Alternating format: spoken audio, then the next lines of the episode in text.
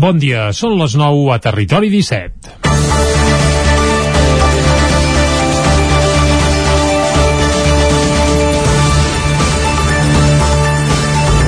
Setmana que ve, la setmana que ve, Roger Aguayo haurà d'anar a judici a l'Audiència Provincial de Barcelona.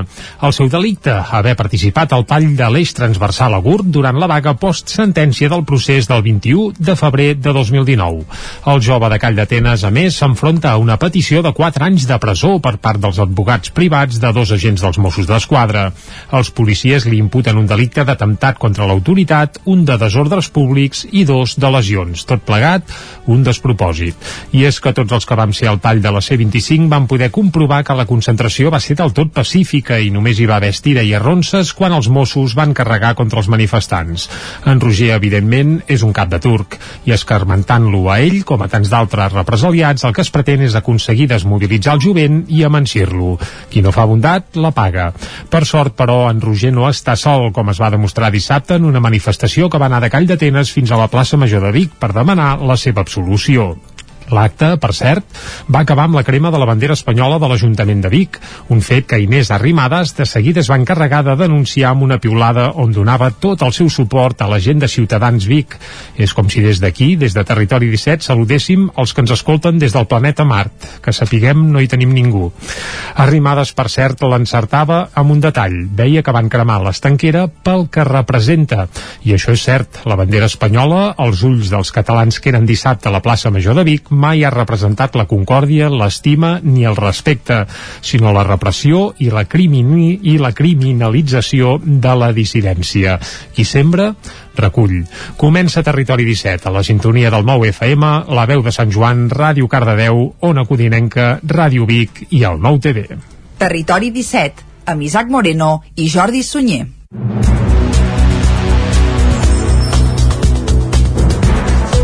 Passen dos minuts de les 9 del matí d'avui dijous, dia 9 de desembre de 2021. Comença ara mateix un nou Territori 17 que avui, com sempre, durant la primera hora us acostarà tota l'actualitat de les nostres comarques.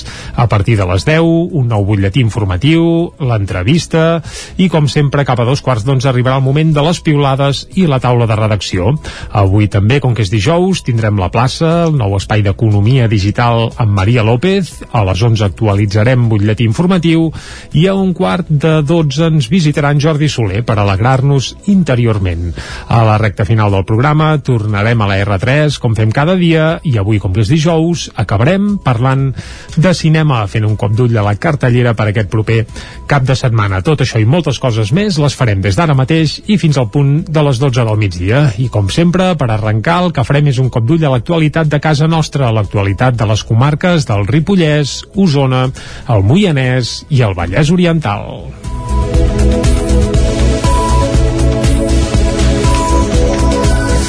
Ahir a la nit va acabar el Mercat Medieval de Vic, una edició marcada pel 25è aniversari i pel retorn de la fira que més públic atreu després de l'aturada obligada de l'any passat a causa de la Covid.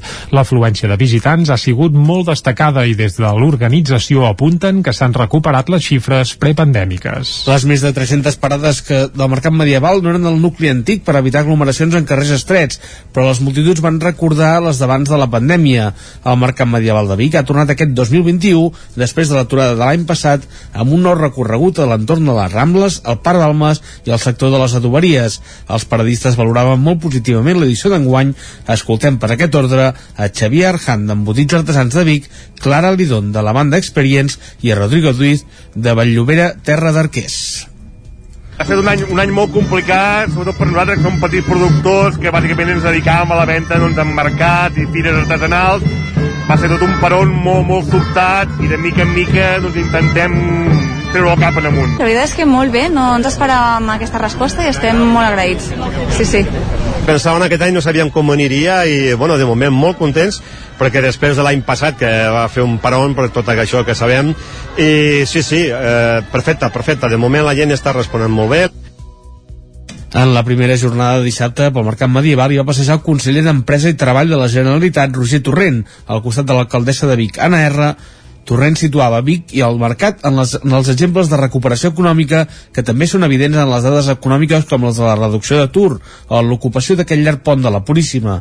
Escoltem a Roger Torrent i a Anna R. Estem satisfets d'aquestes dades, de la projecció que s'espera per aquest cap de setmana, per aquests eh, dies, que es concreta, com deia, en l'ocupació amb la infraestructura turística, però que avui podem veure als carrers de la ciutat de Vic que demostra doncs, aquest projecte consolidat, que any rere any anem fent doncs, que la nostra ciutat es converteixi durant uns dies doncs, en una ciutat medieval i l'únic que volem és doncs, ser centre per un cap de setmana doncs, de, del moviment, de l'ambient i de la vitalitat que pot tenir aquesta nostra ciutat doncs, a, a tot Catalunya.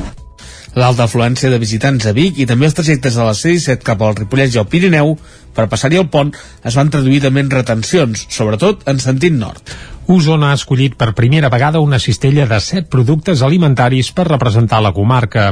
És a través de la iniciativa Feta Osona Aliments Excel·lents que va donar a conèixer els guanyadors en la nit del turisme que es va celebrar a Manlleu. A més de la llonganissa de la IGP Llonganissa de Vic, els altres sis productes seleccionats han estat la botifarra d'ou de Can Codina, de Taradell, la ratafia Bos Reserva de Sant Quirze, el formatge jove de cabra de formatge Riu de Vets de l'Esquirol, el pa de pessic del Bruguer de Vic, el pa de set llavors del Mas Corcó de Manlleu i el caldo silvestre de Sant Bucus, també de Manlleu.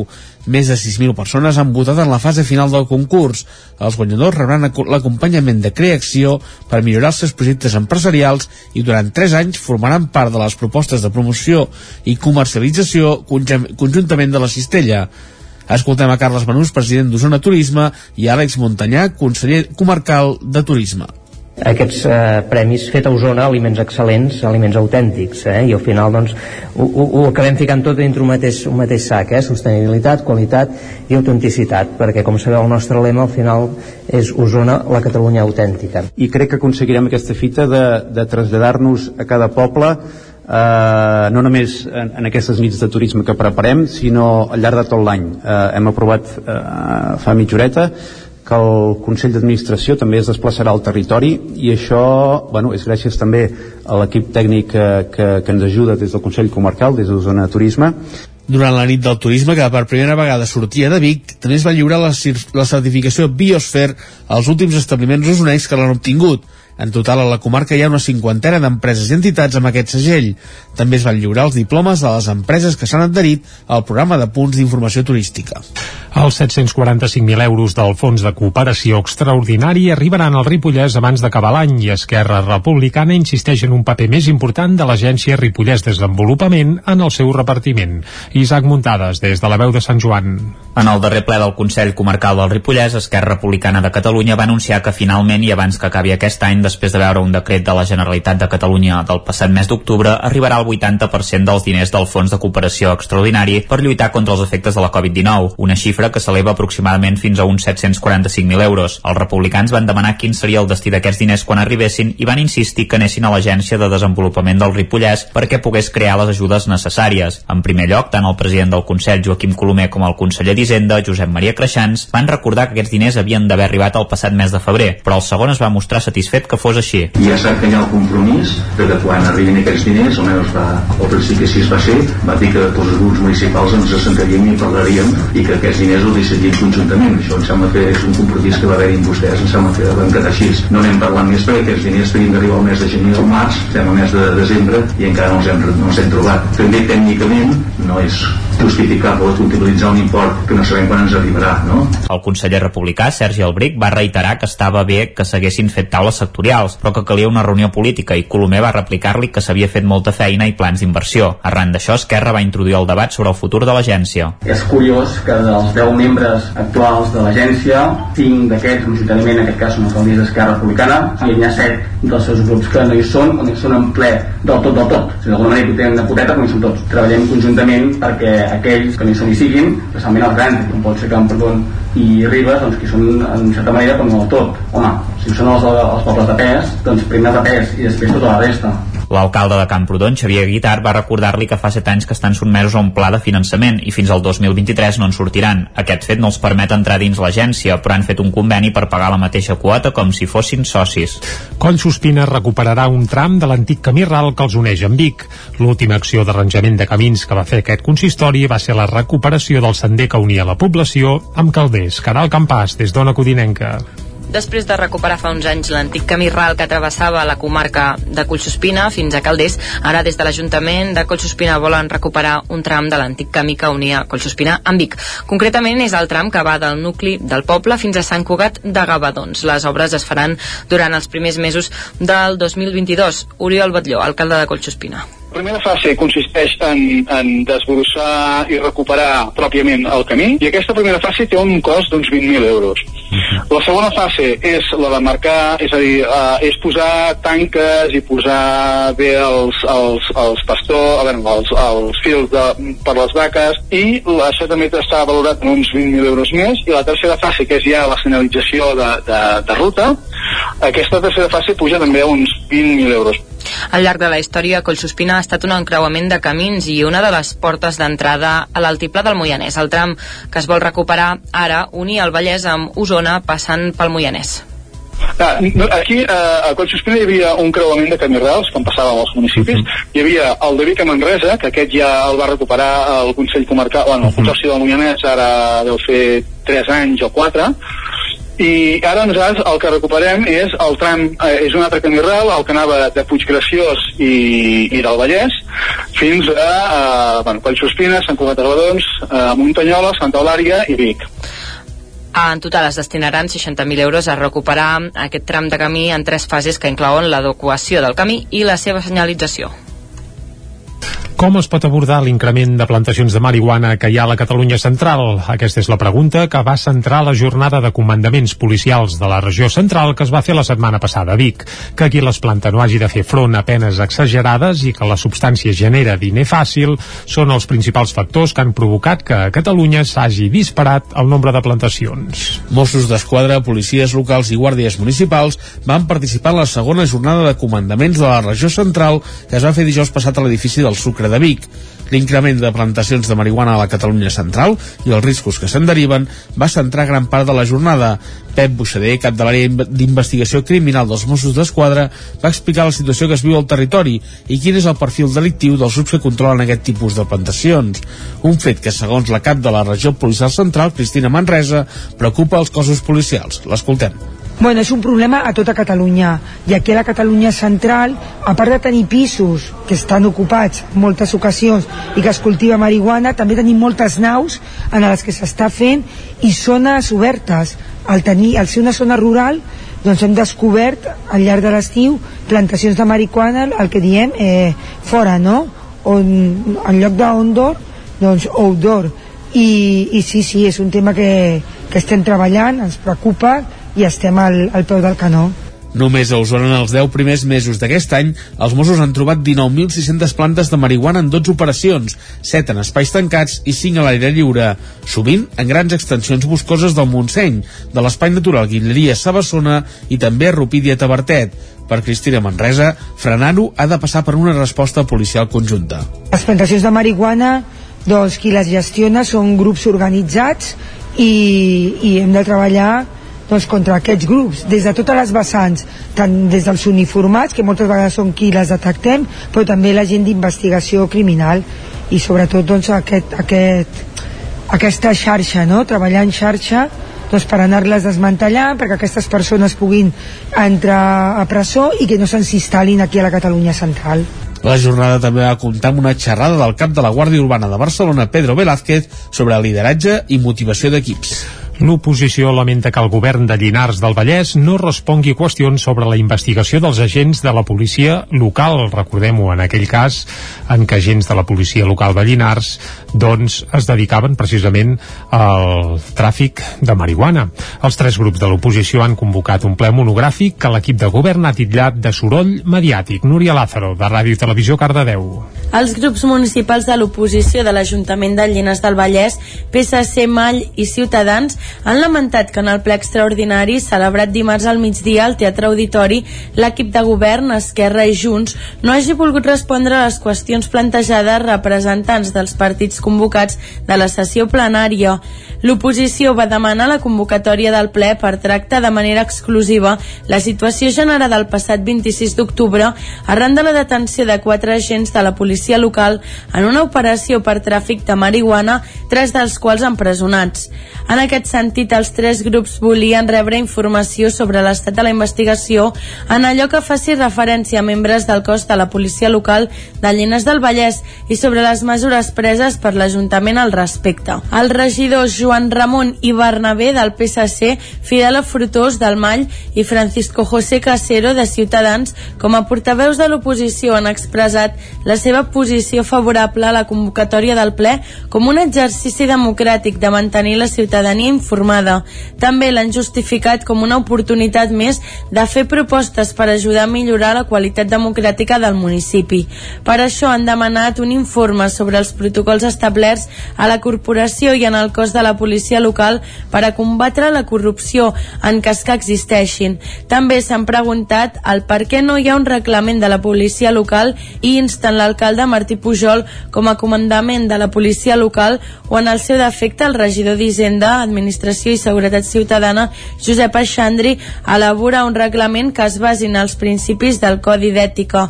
També s'ha instat a l'alcalde de Llinars a convocar de forma urgent la Junta de Seguretat Local amb participació de tots els grups municipals i aprovar la creació d'una comissió informativa especial de seguretat ciutadana amb reunions periòdiques mensuals. L'obra de la Torre de la Mare de Déu a la Sagrada Família ha culminat amb la instal·lació d'un gran estel que es va il·luminar ahir, el dia de la Puríssima. Als seus peus s'hi pot veure també una corona amb 12 estels d'acer que es van crear durant mesos al PENS, el taller que hi té l'Enric Pla Montferrer del taller de l'Enric Pla Montferrer al Pens, al Lluçanès n'han sortit alguns dels elements arquitectònics de la Sagrada Família. Des del 2016 és el forjador i coordinador de tots els treballs de forja que es fan al temple i algunes de les seves obres ja en formen part. És el cas dels bancs amb estructura de ferro i fusta de roure o els més de 400 metres lineals de, de baranes i escales del presbiteri. Des de feia 9 mesos treballaven els 12 estels d'acer de la corona, que ja s'han col·locat en la Torre de la Mare de Déu. Enric Pla. 12 estels és la corona de, de, de la Mare de Déu que és la reina del cel i que també simbolitza els 12 apòstols. Aquests estels van a 118 metres al terra i allà a partir d'allà comença un cono que dalt de tot hi ha un estel més gran de 100 metres i mig del que és de vidre i que la, la nit s'il·luminarà i que també he fet el, a part dels acabats exteriors. Els estels que tenim aquí a darrere són d'inoxidable 316 el que ens aguanta més bé l'intempèrie forjat els estels de l'Alpensí culminen la Torre de la Mare de Déu, la primera que s'acaba a la Sagrada Família des de fa 44 anys i la segona més alta del temple. L'estructura es va il·luminar per primera vegada ahir dimecres, el dia de la Puríssima.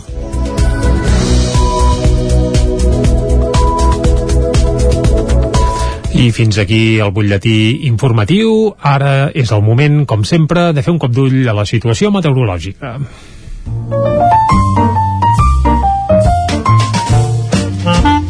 Casa Terradellos us ofereix el temps.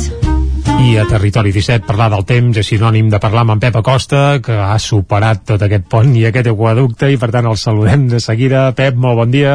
Molt bon dia. I molt bona hora. Doncs ja ha passat el pont. I tant. Tant esperar mm -hmm. aquests dies de festa. I ja han passat. I ja està, eh? Mm -hmm. Ja han passat. Uh, passa tot molt de pressa. I tant. Els dies, les setmanes, els mesos...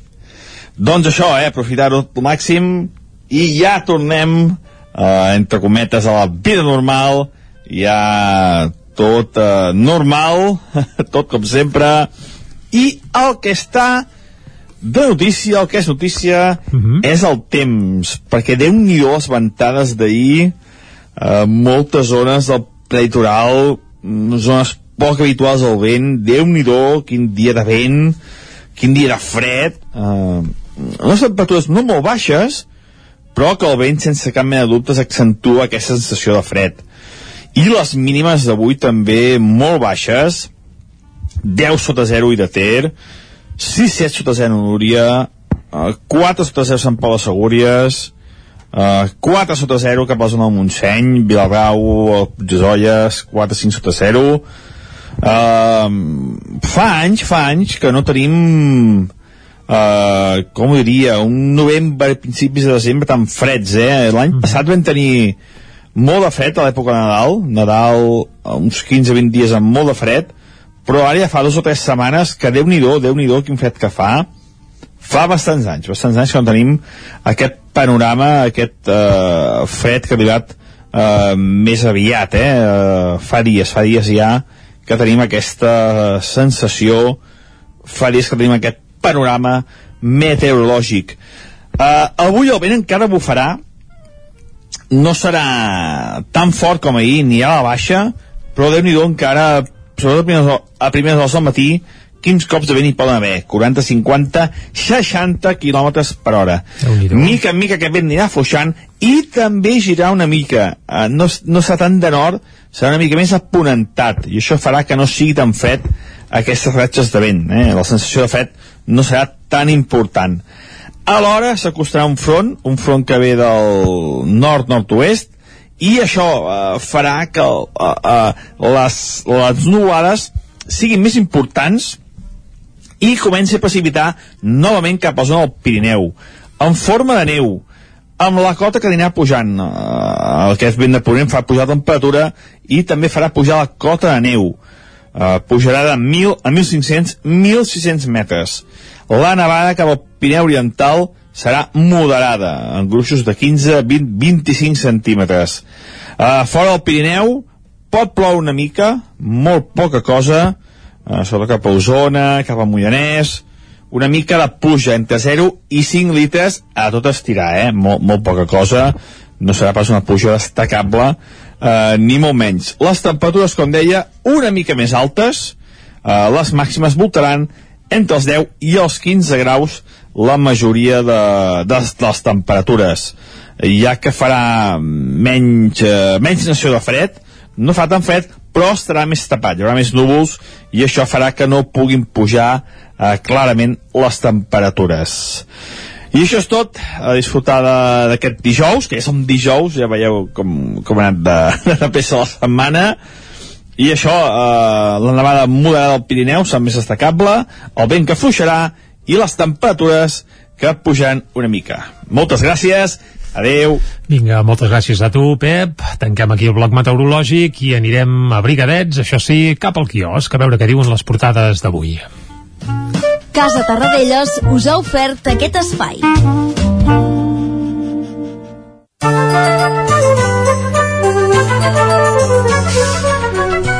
I com sempre, avui que som dijous i que som 9 de desembre, doncs arrencarem el repàs a les portades fent un cop d'ull a les que s'editen als països catalans i començarem pel punt avui. El punt avui, el principal titular és per atracció pels crims. El true crim sempre ha fascinat, però ara s'hi aboquen més mitjans. Els experts destaquen la dimensió psicològica i social en l'èxit del gènere. Evidentment, es tracta d'un reportatge no de crims, sinó precisament de... Bé, doncs, per exemple, del crims de Carles Porta, que hi fa un article d'opinió, i del fenomen que en aquest sentit hi ha moltes sèries molt seguides, doncs això, eh, atracció pels crims. Aquest és el titular principal pel punt avui d'avui, on també hi ha una foto pel Barça, glaçats a Múnich. No hi ha èpica, el Barça perd clarament contra el Bayern i queda fora de la Champions. A la fotografia Memphis Depay, que ahir va fer un paper bé, mm, força galdós com la resta de l'equip. A l'ara, el titular principal és per eh, també un titular sorprenent. La forta demanda agreuja l'adulteració d'algunes drogues. La reobertura de l'oci nocturn dispara el consum d'èxtasi i expliquen que torna el chemsex, és a dir, eh, un parell de drogues que sembla que serveixen per eh, augmentar la libido de qui, de qui les pren. La fotografia principal és per un estel que canvia l'skyline de Barcelona. Es tracta d'aquest nou estel que es va il·luminar ahir dia de la Puríssima al cim de la torre de la Mare de Déu, en aquest cas a la Sagrada Família, que per cert hi hem descobert que les corones de cer que hi ha a sota són fetes al pens, per tant, eh, quilòmetre zero. Més coses que apareixen a la portada de l'Ara, doncs el Bayern envia el Barça a l'Europa League 3 a 0. Això titula l'Ara on també hi ha un raconet per secar Valera Merkel i Escols ja és carceller. Des d'ahir Alemanya que té nou president. Més portades. Anem al periòdico. La fotografia principal, nova estrella per a Barcelona. I la fotografia, la veritat és que està molt bé perquè apareix la lluna, que aquests dies està en un quart creixent així petitot, i també hi apareix aquest nou estel que corona la torre de la la Mare de Déu a la Sagrada Família. Al costat, una altra fotografia per un Barça impotent fulminat de la Champions. També Alemanya acomiada Merkel i Scholz obre una nova era reformista. Això titula el periòdico d'avui. Anem cap a l'avantguàrdia. L'energia eòlica ja és la primera font d'electricitat Uh, aquests dies que ha fet vent és evident que se n'ha generat i força les tecnologies alternatives en generen gairebé la meitat del total però Catalunya es queda enrere. Això apunten a l'avantguàrdia on també hi ha una fotografia per al nou emblema per a Barcelona que és aquest nou estel que brilla des d'ahir a la Sagrada Família. I al cim de tot de la capçalera de l'avantguàrdia també apareix el Barça massa Champions per a tan poc Barça. Això titulen a l'avantguàrdia i ràpidament anem a fer un cop d'ull a portades que s'editen des de Madrid, el País, les autonomies eh, rozan el primer superàvit fiscal de la seva història, és a dir, que algunes autonomies podrien tenir superàvit fiscal en el tancament d'aquest any. La fotografia també és pel Barça eh, i apunten que nou debacle del Barça a la Champions. Això apareix a la portada del País. A la Razón, Delgado es converteix en una pesada càrrega per Pedro Sánchez, això apunten des de la Razón o interpreten. També apareix una fotografia amb Merkel Scholz, arranca l'era Scholz a Alemanya, uh, també tenen un raconet eh, per parlar del brillant paper del Barça ahir a Alemanya. Cap al Mundo, el Mundo explica que Belarra va impulsar la purga dels advocats que van denunciar irregularitats a Podem. déu nhi la fotografia també pel nou canceller Scholz que promet un nou començament a Alemanya. A part també expliquen que els pares del 25% en castellà reclamen protecció pel seu fill. Mare de Déu, i acabem fent un cop d'ull a l'ABC. Alemanya, un tripartit amb 16 ministres davant els 22 que té l'estat espanyol. Ells ja comparen, eh? Per si no ho recordava algú, que Espanya malversa calés, doncs tenint massa ministeris, segons l'ABC, és clar. El Bundestag tenca l'era Merkel amb l'elecció d'Escols com a canceller en un govern de coalició format per socialdemòcrates, verds i liberals.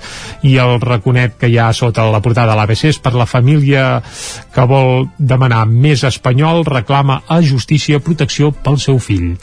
3 minuts de pausa i tornem. Fins ara. El nou FM, la ràdio de casa, al 92.8. A Can Xalant obrim un any més el nostre estudi per les vostres sessions de fotos de Nadal.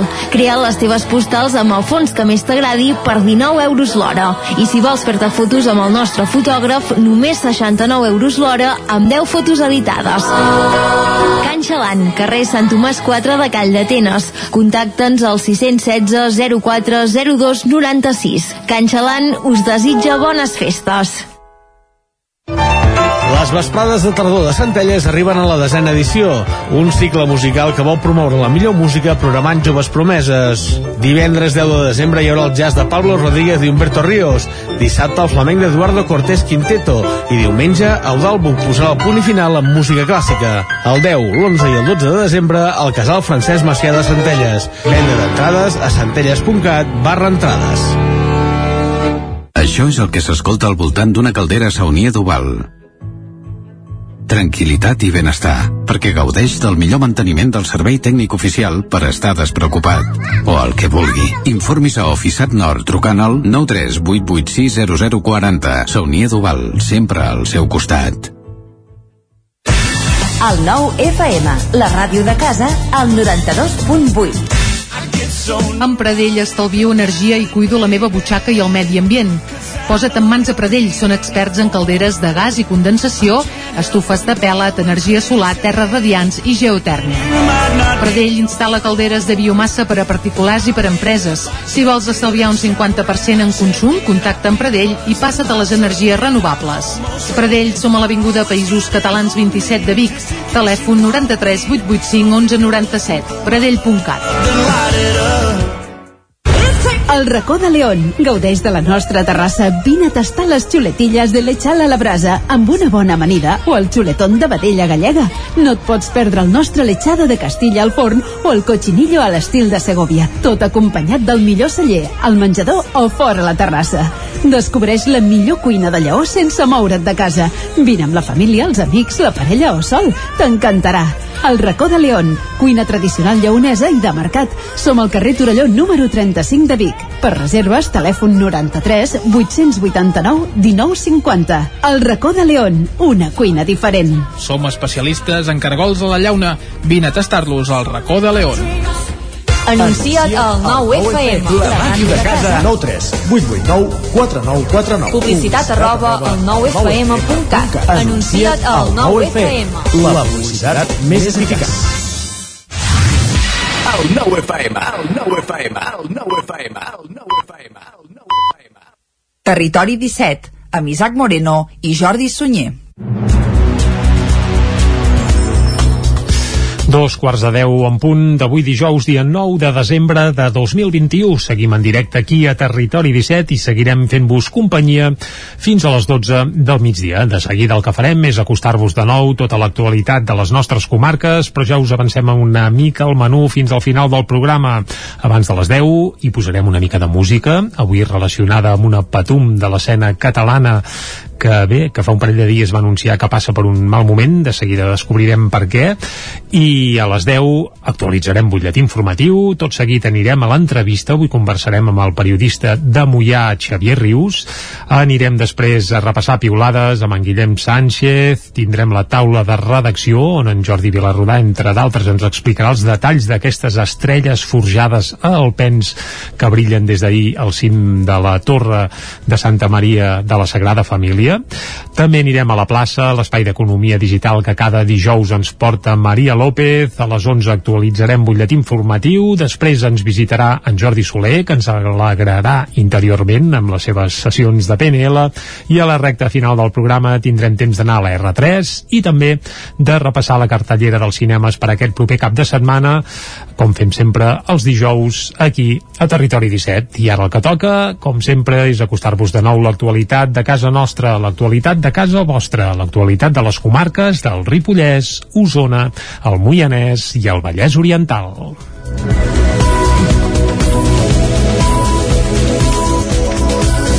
Ahir a la nit va acabar el Mercat Medieval de Vic, una edició marcada pel 25è aniversari i pel retorn de la fira que més públic atreu després de l'aturada obligada de l'any passat a causa de la Covid. L'afluència de visitants ha sigut molt destacada i des de l'organització apunten que s'han recuperat les xifres prepandèmiques. Les més de 300 parades que del Mercat Medieval no eren el nucli antic per evitar aglomeracions en carrers estrets, però les multituds van recordar les d'abans de la pandèmia. El Mercat Medieval de Vic ha tornat aquest 2021 després de l'aturada de l'any passat amb un nou recorregut a l'entorn de les Rambles, el Parc d'Almes i el sector de les adoberies. Els paradistes valoraven molt positivament l'edició d'enguany. Escoltem per aquest ordre a Xavier Arjan d'Embotits Artesans de Vic, Clara Lidón de la banda Experience i a Rodrigo Duiz de Valllobera, Terra d'Arquers.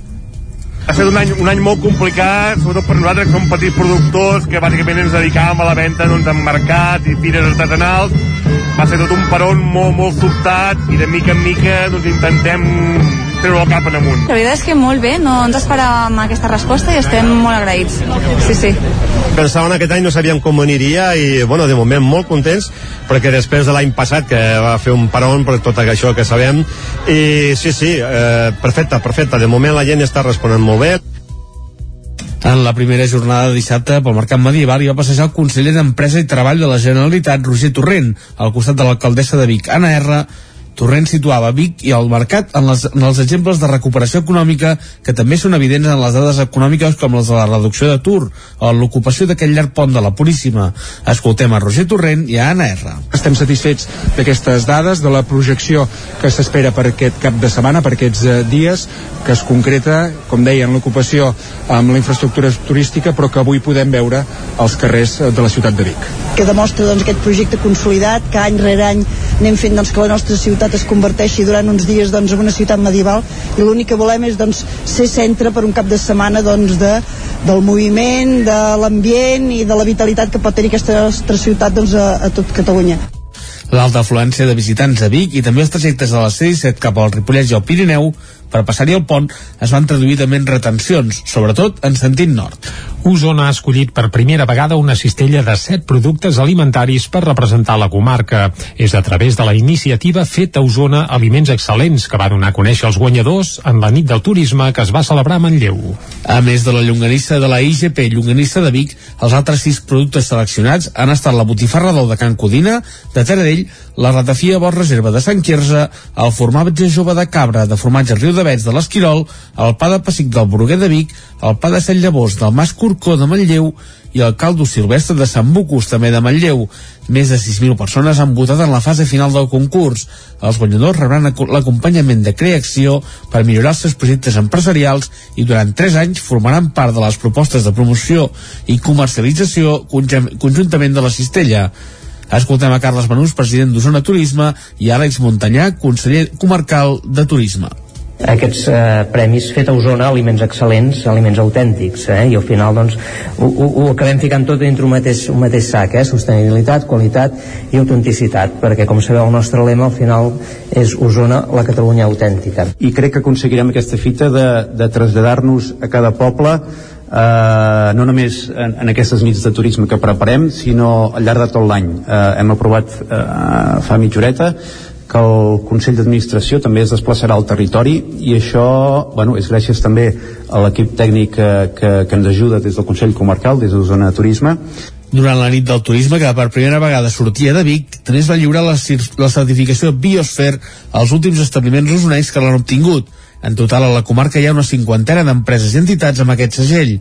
També es van lliurar els diplomes de les empreses que s'han adherit al programa de punts d'informació turística. Els 745.000 euros del Fons de Cooperació Extraordinari arribaran al Ripollès abans d'acabar l'any i Esquerra Republicana insisteix en un paper més important de l'agència Ripollès Desenvolupament en el seu repartiment. Isaac Muntades, des de la veu de Sant Joan.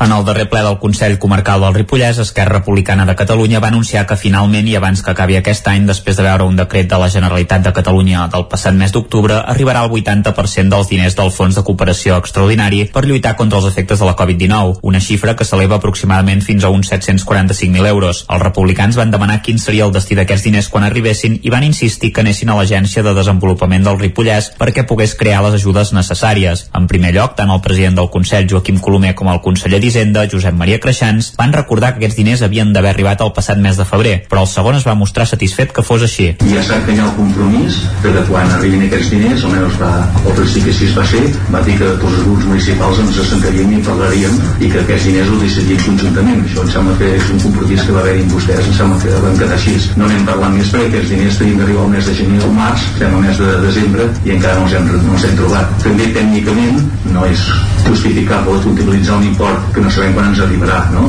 El conseller republicà, Sergi Albric, va reiterar que estava bé que s'haguessin fet taules sectorials sectorials, però que calia una reunió política i Colomer va replicar-li que s'havia fet molta feina i plans d'inversió. Arran d'això, Esquerra va introduir el debat sobre el futur de l'agència. És curiós que dels 10 membres actuals de l'agència, 5 d'aquests, majoritàriament en aquest cas són alcaldies d'Esquerra Republicana, i hi ha 7 dels seus grups que no hi són, o no hi són en ple del tot del tot. Sigui, d'alguna manera hi tenen una poteta, però no hi són tots. Treballem conjuntament perquè aquells que no hi són hi siguin, especialment els grans, com pot ser Camprodon i Ribes, doncs que són en certa manera, no del tot. Home, si són els, els pobles de pes, doncs primer de pes i després tota la resta. L'alcalde de Camprodon, Xavier Guitar, va recordar-li que fa 7 anys que estan sotmesos a un pla de finançament i fins al 2023 no en sortiran. Aquest fet no els permet entrar dins l'agència, però han fet un conveni per pagar la mateixa quota com si fossin socis.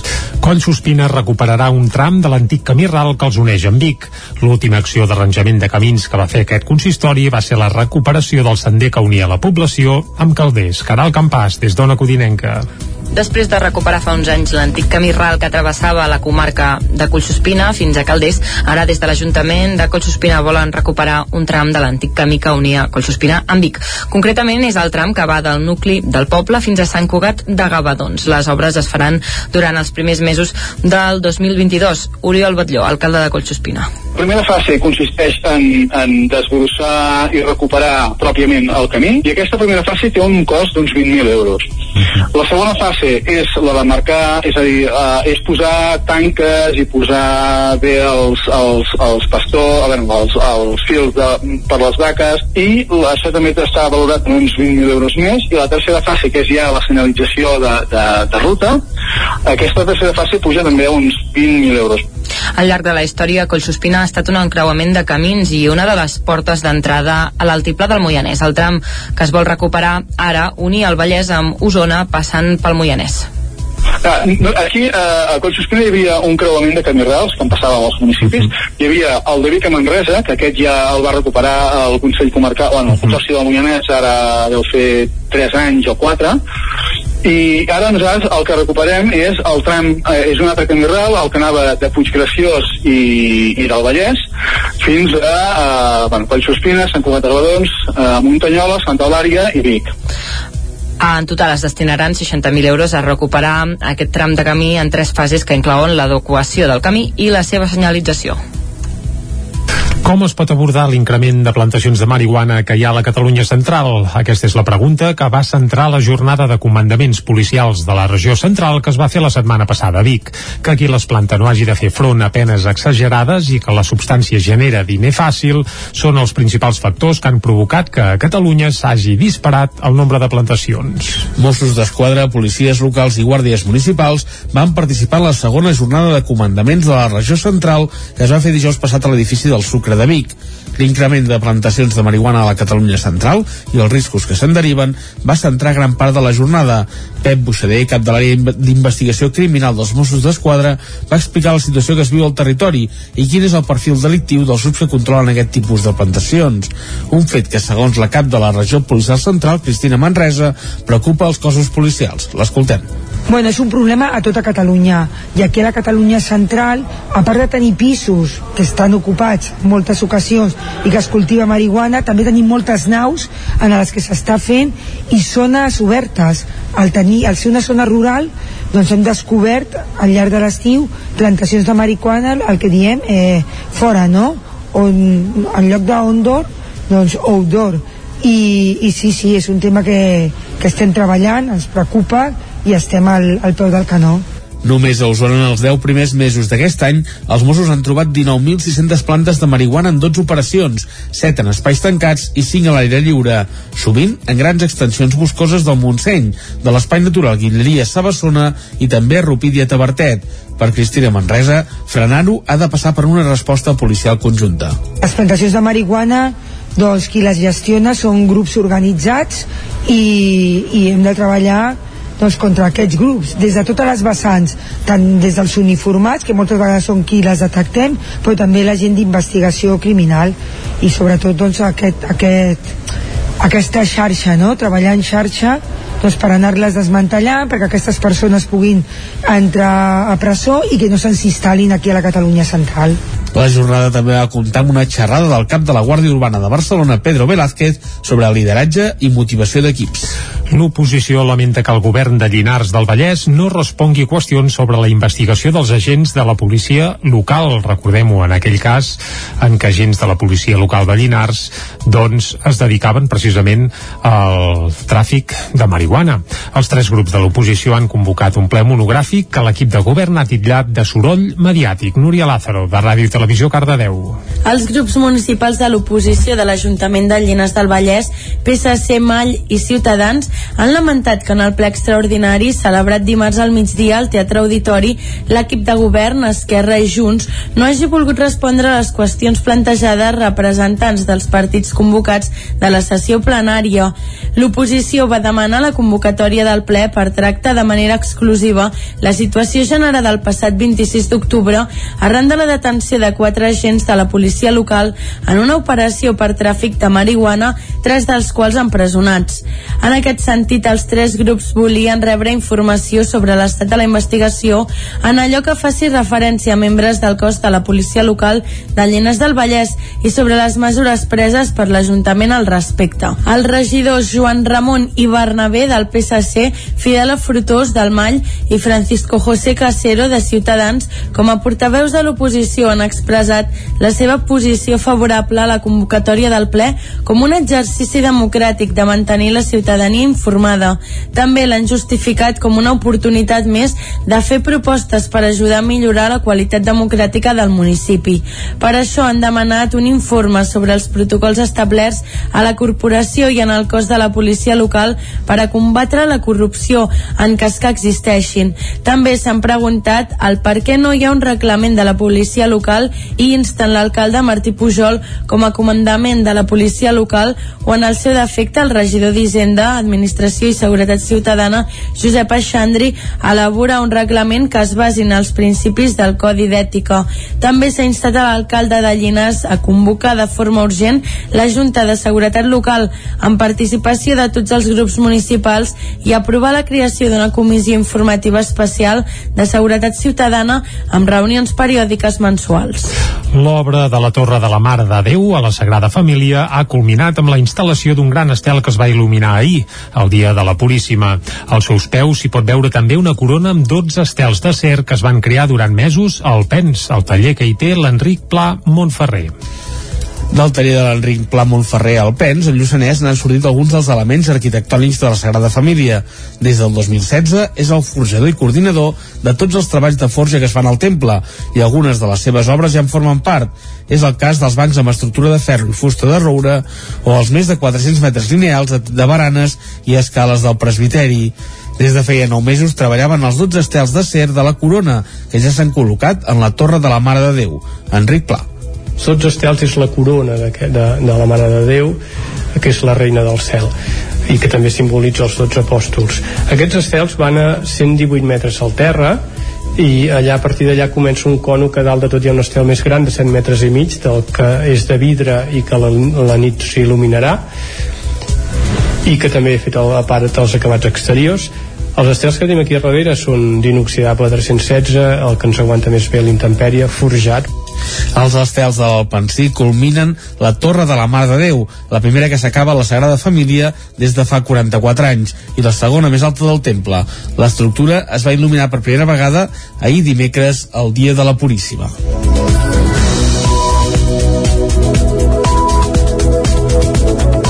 I fins aquí el butlletí informatiu. Ara és el moment, com sempre, de fer un cop d'ull a la situació meteorològica.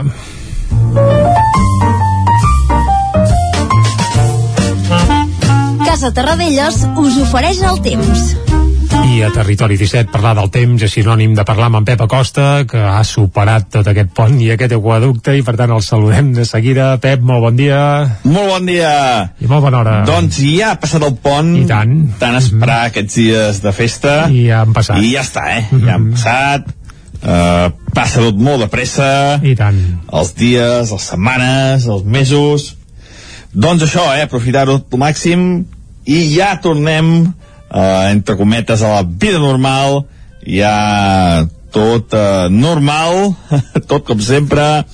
I el que està de notícia, el que és notícia uh -huh. és el temps perquè déu nhi les ventades d'ahir eh, moltes zones del litoral zones poc habituals al vent. Déu nhi quin dia de vent quin dia de fred eh, unes temperatures no molt baixes però que el vent sense cap mena de dubtes accentua aquesta sensació de fred.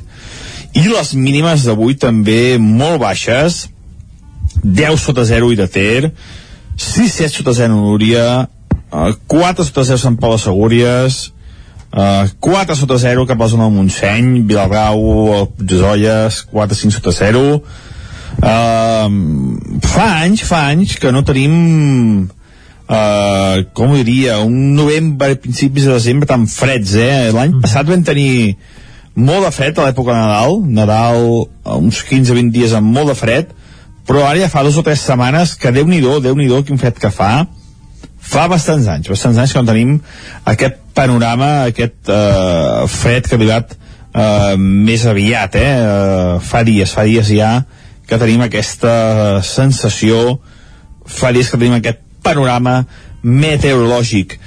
Uh, avui el vent encara bufarà, no serà tan fort com ahir, ni a la baixa, però déu nhi encara, sobretot a primeres, a primeres hores del matí, quins cops de vent hi poden haver? 40, 50, 60 km per hora.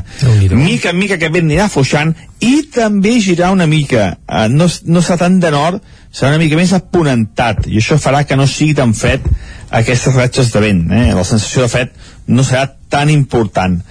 Alhora s'acostarà un front un front que ve del nord-nord-oest i això eh, farà que eh, eh, les, les nuvolades siguin més importants i comenci a precipitar novament cap a zona del Pirineu en forma de neu amb la cota que anirà pujant. Eh, aquest vent de ponent fa pujar la temperatura i també farà pujar la cota de neu. eh, pujarà de 1.000 a 1.500 1.600 metres la nevada cap al Pirineu Oriental serà moderada en gruixos de 15 20, 25 centímetres eh, fora del Pirineu pot ploure una mica molt poca cosa eh, sobretot cap a Osona cap a Moianès una mica de pluja entre 0 i 5 litres a tot estirar, eh? Molt, molt poca cosa, no serà pas una pluja destacable, eh, ni molt menys. Les temperatures, com deia, una mica més altes, eh, les màximes voltaran entre els 10 i els 15 graus la majoria de, de, de les temperatures. Ja que farà menys, eh, menys nació de fred. No fa tan fred però estarà més tapat, hi haurà més núvols i això farà que no puguin pujar eh, clarament les temperatures i això és tot a disfrutar d'aquest dijous que ja som dijous, ja veieu com, com ha anat de, de peça la setmana i això, eh, la nevada moderada del Pirineu serà més destacable, el vent que fluixarà i les temperatures que pujan una mica. Moltes gràcies, adeu. Vinga, moltes gràcies a tu, Pep. Tanquem aquí el bloc meteorològic i anirem a brigadets, això sí, cap al quiosc, a veure què diuen les portades d'avui. Casa Tarradellas us ha ofert aquest espai.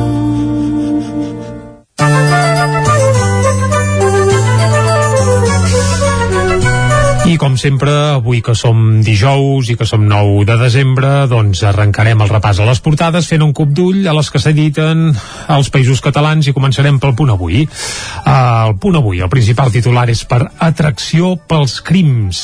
El true crim sempre ha fascinat, però ara s'hi aboquen més mitjans. Els experts destaquen la dimensió psicològica i social en l'èxit del gènere. Evidentment, es tracta d'un reportatge no de crims, sinó precisament de... Bé, doncs, per exemple, del crims de Carles Porta, que hi fa un article d'opinió, i del fenomen que en aquest sentit hi ha moltes sèries molt seguides, doncs això, eh, atracció pels crims. Aquest és el titular principal pel punt avui d'avui, on també hi ha una foto pel Barça, glaçats a Múnich. No hi ha èpica, el Barça perd clarament contra el Bayern i queda fora de la Champions. A la fotografia Memphis Depay, que ahir va fer un paper, bé, mm, força galdós com la resta de l'equip. A l'ara, el titular principal és per eh, també un titular sorprenent.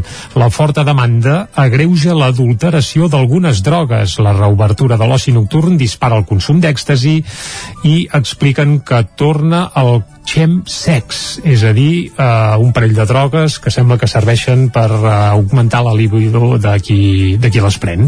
La fotografia principal és per un estel que canvia l'skyline de Barcelona. Es tracta d'aquest nou estel que es va il·luminar ahir dia de la Puríssima al cim de la torre de la Mare de Déu, en aquest cas a la Sagrada Família, que per cert hi hem descobert que les corones de cer que hi ha a sota són fetes al pens, per tant, eh, quilòmetre zero. Més coses que apareixen a la portada de l'Ara, doncs el Bayern envia el Barça a l'Europa League 3 a 0. Això titula l'Ara on també ha un raconet per secar Valera Merkel i Escols ja és carceller. Des d'ahir Alemanya que té nou president. Més portades, anem al periòdico, la fotografia principal, nova estrella per a Barcelona. I la fotografia, la veritat és que està molt bé perquè apareix la lluna, que aquests dies està en un quart creixent així petitot, i també hi apareix aquest nou estel que corona la torre de la Mare de Déu a la Sagrada Família.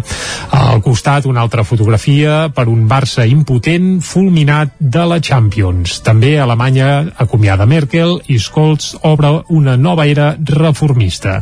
Això titula el periòdico d'avui. Anem cap a l'avantguàrdia. L'energia eòlica ja és la primera font d'electricitat. Uh, aquests dies que ha fet vent és evident que se n'ha generat i força. Les tecnologies alternatives en generen gairebé la meitat del total, però Catalunya es queda enrere. Això apunten a l'avantguàrdia, on tenia una fotografia per al nou emblema per a Barcelona, que és aquest nou estel que brilla des d'ahir a la Sagrada Família, i al cim de tot de la capçalera de l'avantguàrdia també apareix el Barça, massa Champions per a tan poc Barça. Això titulen a l'avantguàrdia. I ràpidament anem a fer un cop d'ull a portades que s'editen des de Madrid, el País, les autonomies, eh, rozan el primer superàvit fiscal de la seva història, és a dir, que algunes autonomies podrien tenir superàvit fiscal en el tancament d'aquest any. La fotografia també és pel Barça eh, i apunten que nou debacle del Barça a la Champions. Això apareix a la portada del País. A la Razón, Delgado es converteix en una pesada càrrega per Pedro Sánchez, això apunten des de la Razón o interpreten. També apareix una fotografia amb Merkel i Scholz, arranca l'era Scholz a Alemanya, uh, també tenen un raconet eh, per parlar del brillant paper del Barça ahir a Alemanya. Cap al Mundo, el Mundo explica que Belarra va impulsar la purga dels advocats que van denunciar irregularitats a Podem. déu nhi la fotografia també pel nou canceller Scholz que promet un nou començament a Alemanya. A part també expliquen que els pares del 25% en castellà reclamen protecció pel seu fill. Mare de Déu, i acabem fent un cop d'ull a l'ABC. Alemanya, un tripartit amb 16 ministres davant els 22 que té l'estat espanyol. Ells ja comparen, eh? Per si no ho recordava algú, que Espanya malversa calés, doncs tenint massa ministeris, segons l'ABC, és clar. El Bundestag tenca l'era Merkel amb l'elecció d'Escols com a canceller en un govern de coalició format per socialdemòcrates, verds i liberals. Mm -hmm. Bé, bé, doncs doncs això és el que apareix eh, a les portades de la premsa d'avui. I ara un cop eh, fet aquest repàs el que farem és posar-hi una mica de música com fem sempre aquí a Territori 17 i avui ho volem fer amb una excusa bé, no, no ens agrada però però de vegades és el que hi ha. Avui escoltarem Pau Riba, segurament una de les patums musicals més importants que ha donat l'escena dels països catalans en l'últim segle, i és que el Pau Riba fa un parell de dies va fer públic que pateix un càncer de pàncreas, un càncer que bé, esperem que pugui solventar i del qual se'n pugui sortir, però ja fa uns quants dies que està patint eh, aquest succés, ho va anunciar a les xarxes socials i des d'aquí doncs, li enviem una forta abraçada i molta empenta i molta salut i tant de bo doncs, ben aviat se'n pugui recuperar i puguem escoltar de nou peces com la que ja estem escoltant de fons, aquest Noia de porcellana que segurament és una de les peces més representatives del repertori de Pau Riba, un Pau Riba que aquest estiu encara havia fet alguns concerts, algunes aparicions als escenaris, ara de moment es dedicarà a lluitar contra aquesta malaltia i tant de bo d'aquí uns quants mesos el podem tornar a veure i escoltar eh, i a sentir-lo i a gaudir de, de les seves cançons i de la seva música. Amb aquesta abraçada gegantina cap al Pau Riba arribarem fins a les 10 del matí aquí a Territori 17 avui escoltant aquest Noia de Porcellana en la versió original de l'any 1968 no hi érem ni jo ni l'Arnau Jaumira encara, eh? i segurament molta de la gent que ens escolteu ara mateix des de casa possiblement tampoc, però com que hi ha cançons que són atemporals com aquesta doncs amb Noia de Porcellana arribarem fins a les 10 salut i fins ara mateix i això era com buscar papallones blaves damunt la mar.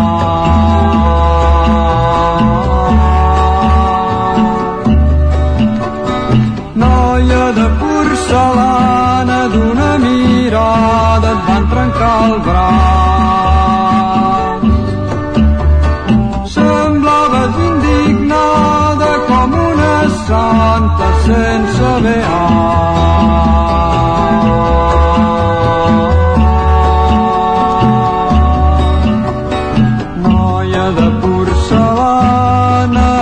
ets tan fràgil que t'has tancat sona dolça i és de cristal. Noia de porcelana, buscava llum en la teva pell. I això era com buscar papallones d'aire allà on bufa el vent. Noia de porcelana, tens la mirada ben transparent humana i la carn translúcida i repel·lent. Noia de porcelana, què vols que et donin no donant res?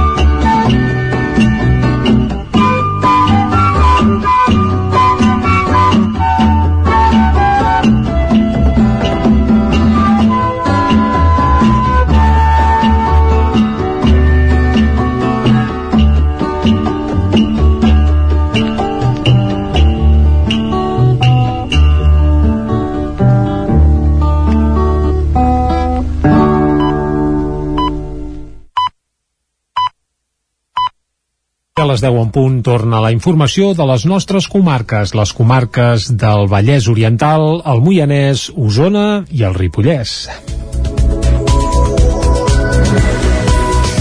Dimecres i dijous de la setmana que ve, el call de tenenc Roger Aguayo serà jutjat a l'Audiència de Barcelona. Dissabte, una manifestació amb unes 300 persones que va sortir de la plaça 11 de setembre de Call d'Atenes i que va arribar a la plaça Major de Vic va reclamar la seva absolució. Prop de 300 persones arribaven dissabte a la tarda a la plaça Major de Vic a la manifestació de suport a Roger Aguayo que havia sortit de Call d'Atenes. L'acte impulsat pel grup de suport Pigot Negre i Alerta Solidària va demanar l'absolució d'Aguayo, veí de Call d'Atenes, que serà jutjat els dies 15 i 16 d'aquest mes acusat de delictes d'atemptat contra l'autoritat i desordres públics en el tall de la C-17 i la C-25 a GURB el 21 de febrer de 2019 en les protestes per l'inici del judici del procés. Els advocats privats dels Mossos d'Esquadra li demanen una pena de 4 anys de presó i la Fiscalia un. En aquest cas, la Generalitat no exerceix d'acusació particular. Eva Pous és advocada de l'Alerta Solidària. Veiem fins i tot que en aquest cas els Mossos d'Esquadra de nou van més enllà del que demana la Fiscalia. Fiscalia només demana un any, Mossos d'Esquadra demana fins a 4 anys i és de nou no, l'evidenciació de l'escarni que vol el, els, els agents no, contra els manifestants i com intenten criminalitzar amb aquestes accions precisament la gent que es mou. Pigot Negre i Alerta Solidària consideren que l'acusació contra Guayo és un muntatge policial. En els parlaments van insistir que el tall de carretera es va desenvolupar de manera pacífica i van qüestionar els Mossos d'Esquadra afirmant que el cos actua amb impunitat. A l'acte hi van assistir representants de la CUP i d'Esquerra. Escoltem per aquest ordre a Dolors Sabater, diputada de la CUP al Parlament, i a Isaac Paraire, exsecretari d'Organització d'Esquerra. El que es veia avui al carrer és moltíssima gent recolzant a l'Aguayo, moltíssima gent defensant la seva innocència, reclamant la seva absolució i eh, moltíssima gent reclamant justícia de debò, que la justícia és que es deixi de criminalitzar l'independentisme. Veure en Roger Guayo al final emocionat i agraït és el, el, el millor regal del bon resultat d'aquesta manifestació, aquesta concentració d'un dissabte de desembre a la tarda um, i amb un pilot de gent que, que hi havia, per tant una solidaritat antirepressiva necessària, imprescindible en aquest moment L'acte a la plaça Major de Vic va acabar amb actuacions musicals i diumenge es va fer un concert solidari a la sala La Cabra de Vic. Relleven a tres dels sis jutges dels sis jutges de la seu judicial de Vic. Els altres tres passen a ser jutges titulars, un fet que hauria de reduir la mobilitat en el càrrec. Un dels grans problemes de la seu judicial de Vic és l'elevada mobilitat dels jutges que exerceixen a la capital d'Osona. De fet, tal com expliquen alguns advocats, en les últimes setmanes la cobertura de places amb jutges substituts ha provocat que hi hagués molta rotació, amb diverses suspensions de vistes o la incògnita de saber qui dirigirà els judicis. L'excessiu moviment també comporta un baix seguiment dels casos pendents de resoldre. A finals d'aquest mes de novembre es va confirmar la marxa de tres dels sis jutges de Vic i en una acció de reordenació per part del Consell General del Poder Judicial tres jutges que exercien de manera substituta podran passar a ser titulars.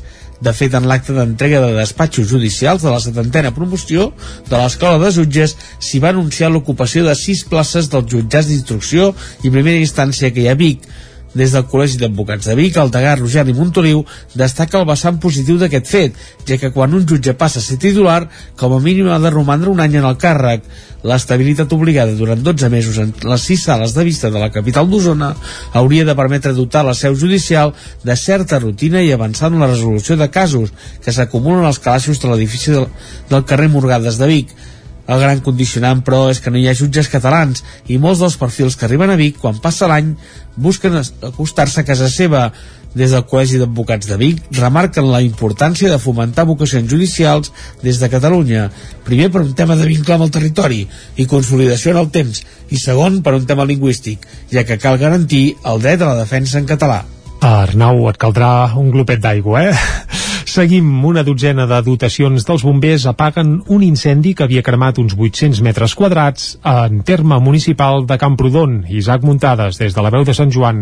Dimecres al vespre, una dotzena de dotacions dels bombers de la Generalitat de Catalunya van treballar per extingir un foc forestal en un bosc de Camprodon a la zona del Puixeu. L'avís es va produir quan faltaven pocs minuts per dos quarts de dotze de la nit. El foc ja havia cremat uns 800 metres quadrats del bosc en flama viva a causa del vent sec i la baixa humitat, malgrat que al voltant de l'incendi estava tot cobert de neu. Quan els bombers van arribar fins a l'epicentre de l'incendi, la flama era gran i el foc estava descontrolat. Sortosament, cap a tres quarts d'una de la matinada es va poder controlar i dues hores més tard es van retirar les dotacions que s'hi havien enviat. A través de les xarxes socials, els bombers recordaven que no s'hi val a badar perquè a causa del canvi climàtic els focs ja no només es produeixen a l'estiu.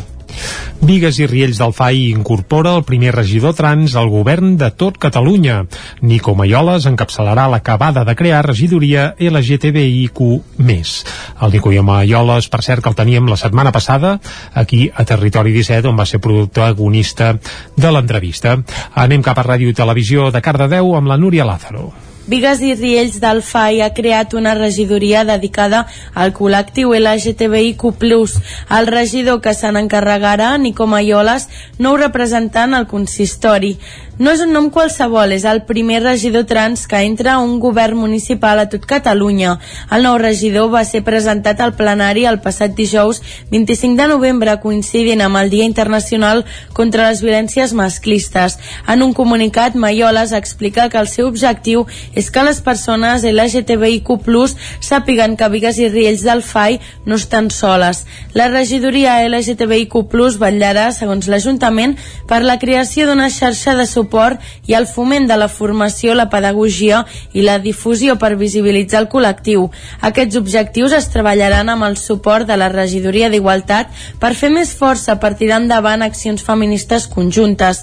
La regidora Maite Escobar ha explicat que aposten per una regidoria específica a LGTBIQ+, per donar-li la visibilitat que reclama la urgència del moment social actual. La primera acció de la regidoria serà l'articulació del punt d'atenció a LGTBIQ+, de Vigues i Riells del FAI, que calculen que sigui una realitat el 2022. I no marxem de Vigues i Riells del FAI perquè el Centre Cívic i Cultural El Riaral funcionarà en un futur amb plaques fotovoltaiques. Ens ho explica Caral Campàs des d'Ona Codinenca. L'Ajuntament de Vigues i Riells del FAI instal·larà plaques fotovoltaiques a l'edifici del Centre Cívic Cultural El Riaral. Aquesta acció forma part del projecte finançat amb fons FEDER de la Diputació de Barcelona per instal·lar plaques solars a les cobertes d'un total de 37 municipis de menys de 20.000 habitants de la província de Barcelona. Actualment ja s'ha enllestit l'informe per aprovar per decret d'alcaldia el projecte per la instal·lació de les plaques. Un cop aprovat el projecte executiu, l'obra es podrà executar durant el 2022. Aquesta acció permetrà un estalvi del 15% del total del consum energètic de l'equipament. Sentim Jesús Cano, regidor de Medi Ambient a Vigues. Doncs bé, al final eh, tenim aquí un, un edifici doncs, que bé, per l'activitat diària i per la quantitat d'equipaments que té doncs, té un consum energètic elevat i bé, el, la subvenció aquesta amb el que fem és doncs, que aquest consum que té doncs que sigui un xic més sostenible de, del que és no? que al final l'objectiu de posar plaques fotovoltaiques és que el consum net i sostenible s'incrementi en detriment doncs, del, consum elèctric que evidentment no és tan sostenible. El consistori es farà càrrec de totes les despeses de legalització, conservació, manteniment i funcionament que es produeixen a partir de la data d'entrega i posada en marxa del projecte. La bigatana Mireia Noguera és la guanyadora de la quarantena, eh, 41ena, volem dir ja, edició del concurs de portades del 9-9. Després d'avaluar les 87 obres presentades a concurs, Noguera s'ha endut el primer premi amb una portada que evoca el retrobament personal. L'obra premiada serà la portada del proper divendres 17 de desembre en les edicions d'Osona i el Ripollès i del Vallès Oriental i l'autora rebrà un premi de 1.000 euros. Amb el títol d'Aquest Nadal el celebrem junts de nou, Noguera proposa una portada en què diferents personatges conflueixen en un nou caminant sobre un blanc de neu.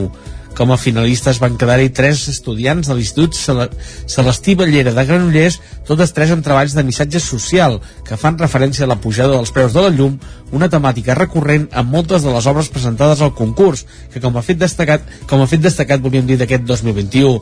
Les seves obres es posaran conjuntament amb una selecció de les millors que s'han presentat en dues mostres el proper mes de gener a Vic i a Granollers.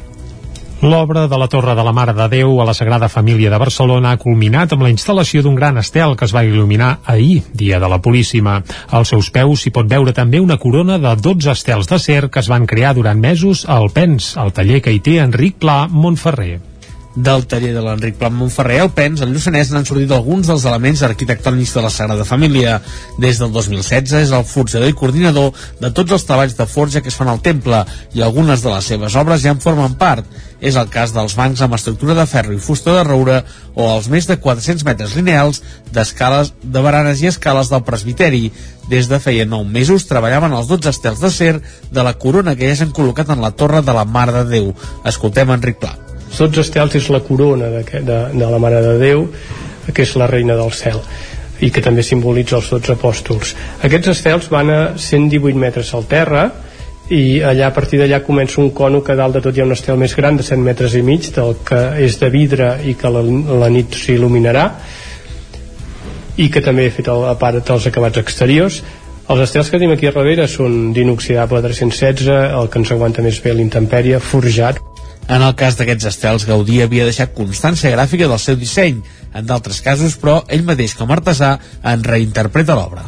moltes vegades mirem si Gaudí ens ho va deixar dibuixat escrit en maqueta però hi ha, algun, hi ha algun moment que ens podem trobar que no va ser així i aleshores eh, jo sóc de les persones que coneix més bé tota l'obra de Gaudí en ferro i agafem elements que va fer amb altres edificis a lo millor sigui la catedral de Palma, sigui Astorga sigui la Casa Batlló, Palau Güell i tibem d'aquells elements per poder seguir una cosa molt fidelment a la que, a la que ell havia pensat. Treballar amb aquest edifici, que és el més, més important del país, i seguir l'obra de, de Gaudí, l'arquitecte més important del modernisme, eh, és el màxim que d'alguna manera quasi bé que puc expirar com a forjador. Els estels de l'Alpensí culminen la Torre de la Mare de Déu, la primera que s'acaba a la Sagrada Família des de fa 44 anys i la segona més alta del temple. L'escultura es va il·luminar per primera vegada ahir dimecres, el dia de la Puríssima.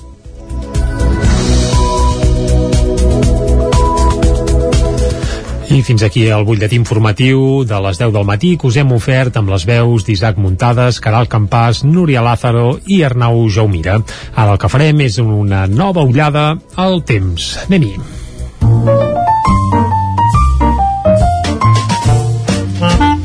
Casa Terradellos us ofereix el temps. I per saber el temps que ens espera per a les properes hores, a primera hora ja ens ha fet balanç d'aquest aquaducte que hem viscut aquests dies, ara anem a saber el temps per aquest futur, per avui, per demà. Pep Acosta, bon dia de nou. Molt bon dia. Uh, Molt avui hora. el vent encara bufarà, Uh -huh. no serà tan fort com ahir, ni a la baixa, però déu nhi encara, sobretot a primeres, a primeres hores del matí, quins cops de vent hi poden haver? 40, 50, 60 km per hora. Mica en mica aquest vent anirà afluixant i també girar una mica. Uh, no, no serà tant de nord, serà una mica més aponentat, i això farà que no sigui tan fred aquestes ratxes de vent. Eh? La sensació de fred no serà tan important. Alhora s'acostarà un front, un front que ve del nord-nord-oest, i això eh, farà que eh, eh, les, les nuvolades siguin més importants i comenci a precipitar novament cap a zona del Pirineu, en forma de neu, amb la cota que anirà pujant. Eh, aquest vent de ponent fa pujar la temperatura i també farà pujar la cota de neu. Uh, pujarà de 1.000 a 1.500, 1.600 metres. La nevada cap al Pirineu Oriental serà moderada, en gruixos de 15 a 20, 25 centímetres. Uh, fora del Pirineu pot ploure una mica, molt poca cosa, uh, sobretot cap a Osona, cap a Moianès, una mica de pluja entre 0 i 5 litres a tot estirar, eh? Molt, molt poca cosa, no serà pas una pluja destacable, eh, ni molt menys. Les temperatures, com deia, una mica més altes, eh, les màximes voltaran entre els 10 i els 15 graus la majoria de, de, de les temperatures ja que farà menys, eh, menys sensació de fred no fa tan fred però estarà més tapat, hi haurà més núvols i això farà que no puguin pujar eh, clarament les temperatures. Mm -hmm. I això és tot, a disfrutar d'aquest dijous, que ja som dijous, ja veieu com, com, com passa el temps. De pesa la setmana. Quatre dies Nadal. I això, eh, la nevada moderada del Pirineu serà més destacable, el vent que fluixarà i les temperatures que pujan una mica. Mm -hmm. Moltes gràcies i ens escoltem demà. Adeu. Doncs vinga, Pep, moltes gràcies a tu. Demà et trucarem de nou i ens posem al dia de la situació meteorològica per aquest cap de setmana, que ja el tenim a la cantonada, perquè aquesta setmana ens passa volant amb aquest dijous amb regust de dilluns. I ara, quan ens acostem ja a un quart d'onze del matí, fem re, una breu pausa de mig minutet i de seguida anem cap a l'entrevista. Fins ara. Casa Tarradellas us ha ofert aquest espai. Territori 17. Envia'ns les teves notes de veu per WhatsApp al 646 079 023. 646 079 023. WhatsApp Territori 17.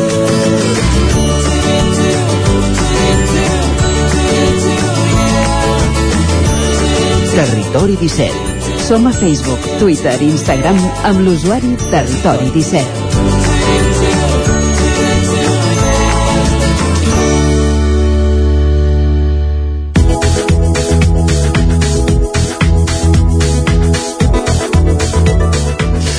El periodista moianès Xavier Rius, especialitzat en l'anàlisi dels moviments d'extrema dreta, va rebre amenaces a través de les xarxes socials arran d'aparèixer un programa de televisió.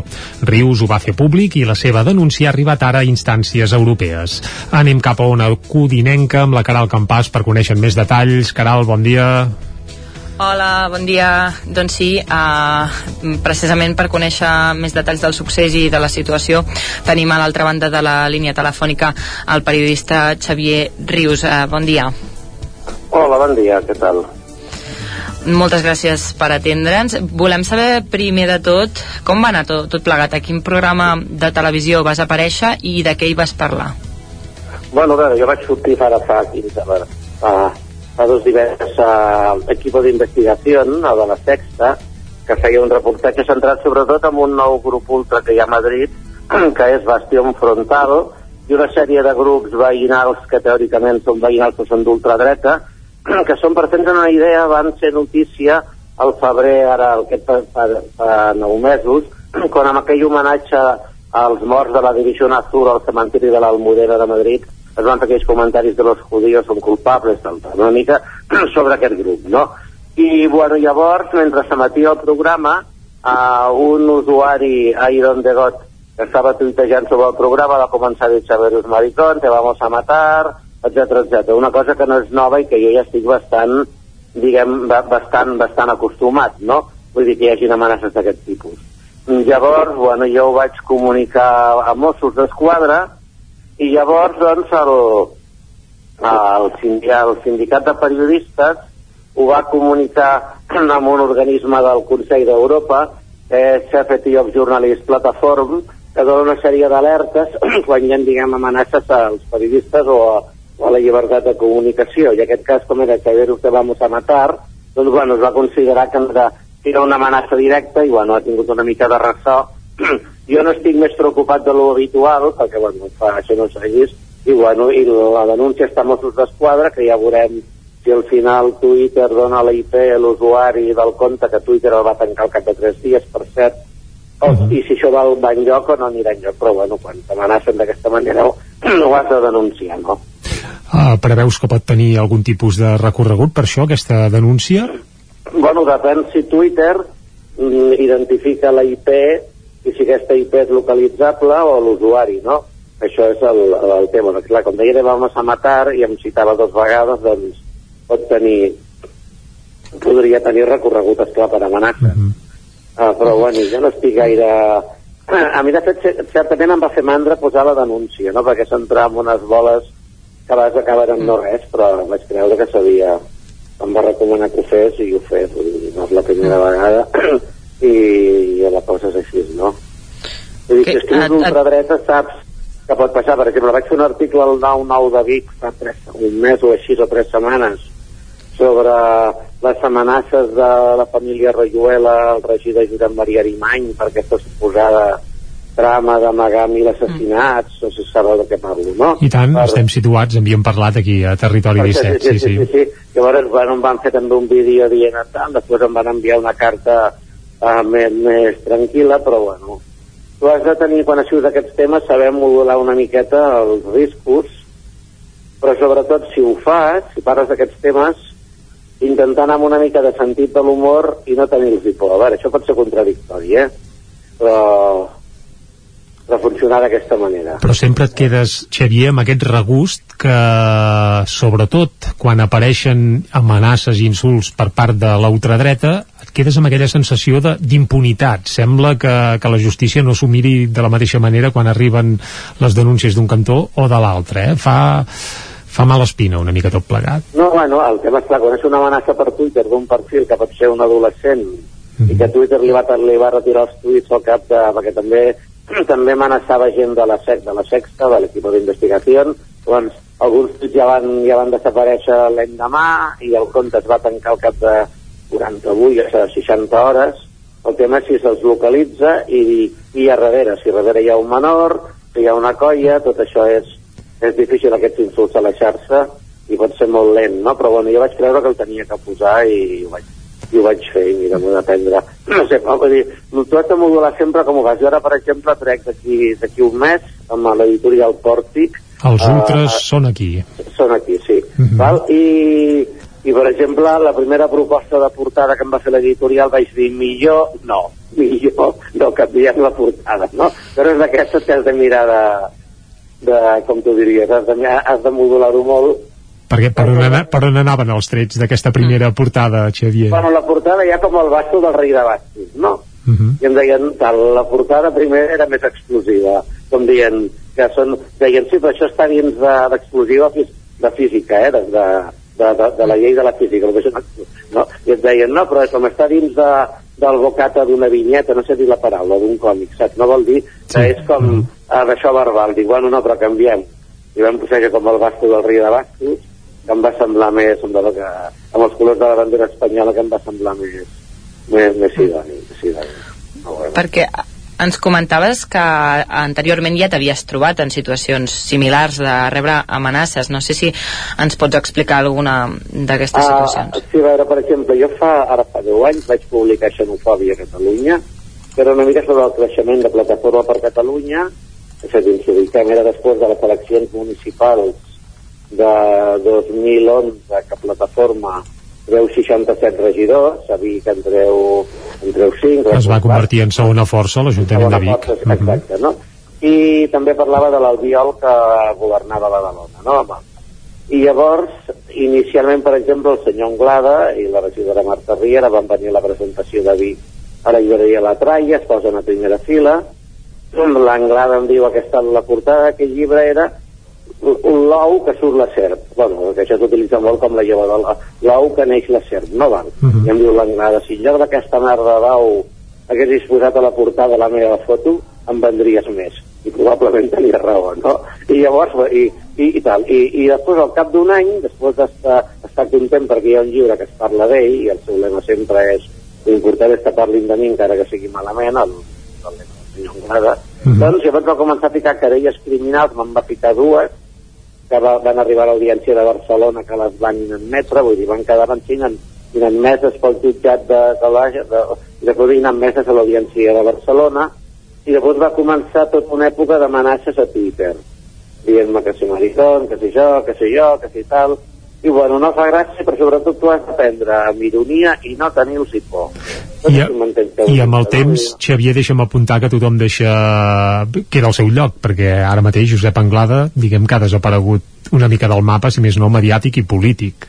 Bueno, ja veurem què passa a les properes, però va, va, va ser perquè amb les municipals de fa dos anys i mig ja va caure una sentència que l'inhabilitaven per ser càrrec públic just a mitja campanya electoral Uh -huh. i va haver de caure de la llista, la seva candidatura no se sabia si s'eliminava, si no, el fet la, la candidatura es va mantenir sense ell i això el va, va tal, vull dir que va ser una tonteria per les amenaces al fill del periodista jurat com a Joan per amenaçar-lo sent menor d'edat i tal, i ell va recordar i diu, vostè sap tots que l'Arnau com a Joan és menor d'edat? Diu, sí, sí, el seu pare em va dir, deixa el meu fill en pau, que és menor, fica't... I llavors, per aquesta tonteria de dir, malgrat que és menor, jo continuo amenaçant-lo, el van inhabilitar, no?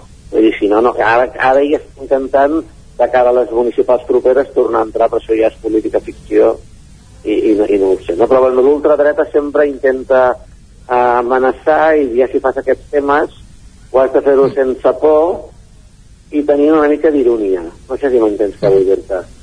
Sí. I, sí. Doncs, Ah, sí, sí. el, el que et volia preguntar no, eh, et deies que altres cops no, ara ens explicaves aquesta querella deies que t'has trobat en altres situacions de rebre amenaces, per què ara has decidit denunciar els Mossos? Eh, si també era, preveus te que vamos, potser... era, era te vamos a matar. Mm, va. És a dir, no és el mateix aquest tio molt carregaré, és un mentider, mm. maritón no sé què, a veure, això mira, a veure, com dius, per qui m'entra, per qui em surt i per qui em tapa tururut, perdona l'expressió, no? Però te vamos a matar i ja és un altre nivell. Xavier, tant de bo aquesta denúncia pugui arribar a bon port i, si més no, s'identifiqui qui feia aquestes amenaces i se'l pugui bé, uh, uh, culpabilitzar i, bé, i, i rebre les represàlies que, que mereixeria. Però anem, anem un pèl més enllà, ja ens has avançat que d'aquí uns dies es publicarà Els Ultras són aquí. Uh, abans ens tema calendari dates, quan sortirà? Bueno, aquest? uh, surt el 12, el 12 de, de gener estarà a la venda. Vull dir, si vols, doncs, si se t'està anunciant, ja te diuen a partir del 12 de gener, tal, tal, el, el 12 de gener es va decidir no fer-lo a final d'any, sinó per fer-lo millor el primer llibre de gener, un tema que bueno, té la seva lògica, i, bueno, i parla una mica de l'enfrontament de la ultradreta més clàssica, tant de Plataforma per Catalunya com el ultratablancar no així, i la crescuda de Vox. A diferència del que passa amb Vox a Madrid, mentre Vox a Madrid era com una escissió del Partit Popular, val? Uh -huh. i de la Fundació de NAES, que hi havia la Bascales, que eren dir, un del sector ultrapatriota del Partit Popular i també d'Aborto Cero en el matrimoni, era com una escissió a Catalunya, Vox d'alguna manera en, es crea bastant de la dissolució de grups com Plataforma de per Catalunya que entren a Vox, és a dir, tinguem en compte que, per exemple, a Catalunya els únics tres regidors que té Vox a tot Catalunya són els regidors de Sal que van canviar de, de cartell, diguem, de marca just abans de les municipals. Xavier, de. Xavier Rius, t'haurem de, de convidar a partir del 12 de gener a parlar dels Ultras són aquí, ens ho apuntem ara hem d'anar a la pausa publicitària aquí a Territori 17, moltes gràcies i molta sort i ens emplacem a això, a la que tinguem els Ultras són aquí a les llibreries. Fins llavors, salut. Moltes gràcies. El nou FM, la ràdio de casa, al 92.8. Saps què és el confort intel·ligent? És tenir un terra radiant Giacomini a casa. Benestar que no es veu, però es nota tot l'any. I que pots controlar a distància des del teu mòbil, estalviant energia i diners. Suma't al confort intel·ligent amb Giacomini. Informa't a giacomini.es o truca al 93 884 1001 i t'ajudarem a tenir un terra radiant a casa o a l'oficina. Giacomini, la climatització que et mereixes. Autoscola Montseny. Ara és el moment de fer els cursos de teòrica intensius, ràpid i eficaç. T'informarem dels PACs, permís de moto de 16 i 18 anys i permís de cotxe. I si vens a veure'ns, tindràs un obsequi. Apunta't i no t'ho pensis més. Per més informació, Autoscola Montseny, Rambla de Vallades, número 13 de Vic. Busca'ns a Instagram i Facebook. Autoscola Montseny us desitja unes bones festes. A la botiga Ànima Records de Vic hi trobaràs tota mena de regals originals i personalitzats, productes artesans i de proximitat. podràs escollir entre un munt de pessebres i gegants de tot Catalunya.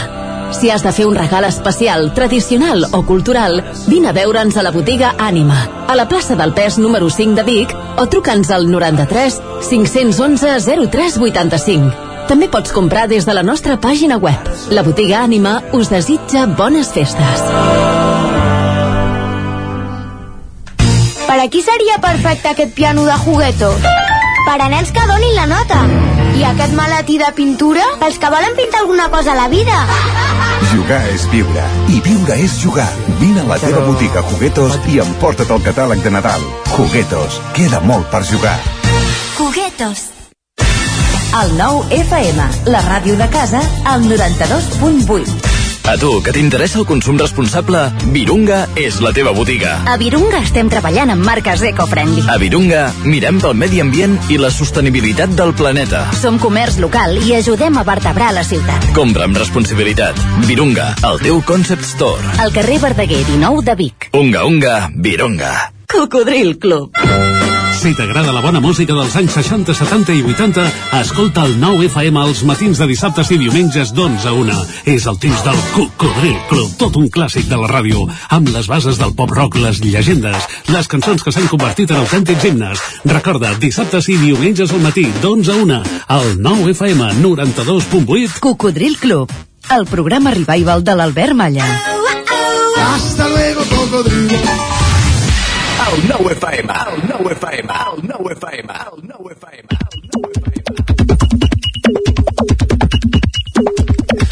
Dos quarts d'onze del matí, seguim en directe aquí a Territori 17, hem eh, anat a publicitat conversant amb el Xavier Rius, periodista de Mollà, que ens ha explicat una mica aquestes amenaces que ha rebut a través de les xarxes arran de la seva participació en un reportatge que va emetre la Sexta, i ens ha avançat també que publicarà a principis de gener un nou llibre, per tant procurarem tenir-lo de nou aquí a Territori 17 a principis de gener amb l'excusa del llibre, i aprofundirem un pèl més en aquesta ultradreta que sembla que no, però que ens assetja també a, aquí a casa nostra i que és ben present. Tanquem ara per això aquest blog, aquesta pàgina, i saludem en Guillem Sánchez, que ja el tenim aquí, ha superat el pont, les palanques, Correcte. els aquaductes, el mercat medieval, Correcte. i estàs, te n'has sortit, eh? Correcte, correcte. Però l'esdeveniment principal d'ahir era un altre, eh, Jordi, em sembla? Ara estàs parlant del mercat medieval, jo vaig esquivant el tema futbolístic, eh? Estàs parlant de la Fira de la Venta Espinelves, No, de què no, em no, parles? hem d'anar directament a, a Can Barça, si més no per rescatar quatre, quatre tuits. Bé, més que Can Barça, a Can Bayern de Munic, no? Correcte. Potser? Doncs Correcte. va, va, aprofundim en la ferida i què, què ens vols comentar? Va, com ens escrivia l'Edgar, que ja ho feia i al vespre, diu demà recordeu, sí a fer bromes degradants sobre l'Europa League entre els amics culers, no a aguantar-les d'indocumentats aficionats d'equips de segona fila com l'Atlético de Madrid o el València, tolerància zero. Per tant, com a mínim ens podem eh, consolar fent bromes entre, entre nosaltres. Liu per això hi veia una cosa positiva en el, en el partit d'ahir, Jordi, que no sé si n'hi ha massa, diu excel·lent resultat del Barça, aquest any ja no farem més el ridícul a la, a la Champions, per tant, cosa... És una manera de veure-ho. És una manera de, de veure-ho. Però a l'Europa League també hi ha algun equipet que, No, no, que el tanto és que, clar, la gent diu, oh, l'Europa League i ara la guanyarà i encara el Barça i pim-pam-pum, dius, va, mira els equips que hi ha per allà i... I, ja i riu, i riu, també. Sí, sí, sí. De fet, com ens, diu, com ens diu en Bertí, aquesta competició que se celebrarà els dijous ens la resumeix de la següent manera. Diu, l'Europa League és com quedar-te un cap d'any sopant amb els teus pares i la seva colla. Saps que no et pertoca estar allà i t'encantaria sopar amb els teus amics, però ja que hi ets, intentaràs passar-t'ho el millor possible i te n'adonaràs que són més enrotllats del que et pensaves. També és una manera de, de veure-ho. I, me, I mentrestant, això de jugar els dijous pot generar dubtes. Uh, L'usuari esmaixada.cat Recordem que l'Europa League es juga Dijous. els dijous, eh? Champions dimarts i dimecres, Europa League dijous. Sí, com ens diu l'usuari esmaixada.cat, quin merder els dijous que coincideixin Europa League i Eurolliga d'ara en endavant. Per tant, tocarà triar si ens interessa més veure el Barça de futbol o el Barça de bàsquet quan arribi O sempre ens dijous. podem quedar amb el Polònia Per els exemple. dijous, que segurament serà un pèl més interessant, però contra gustos ja se sap.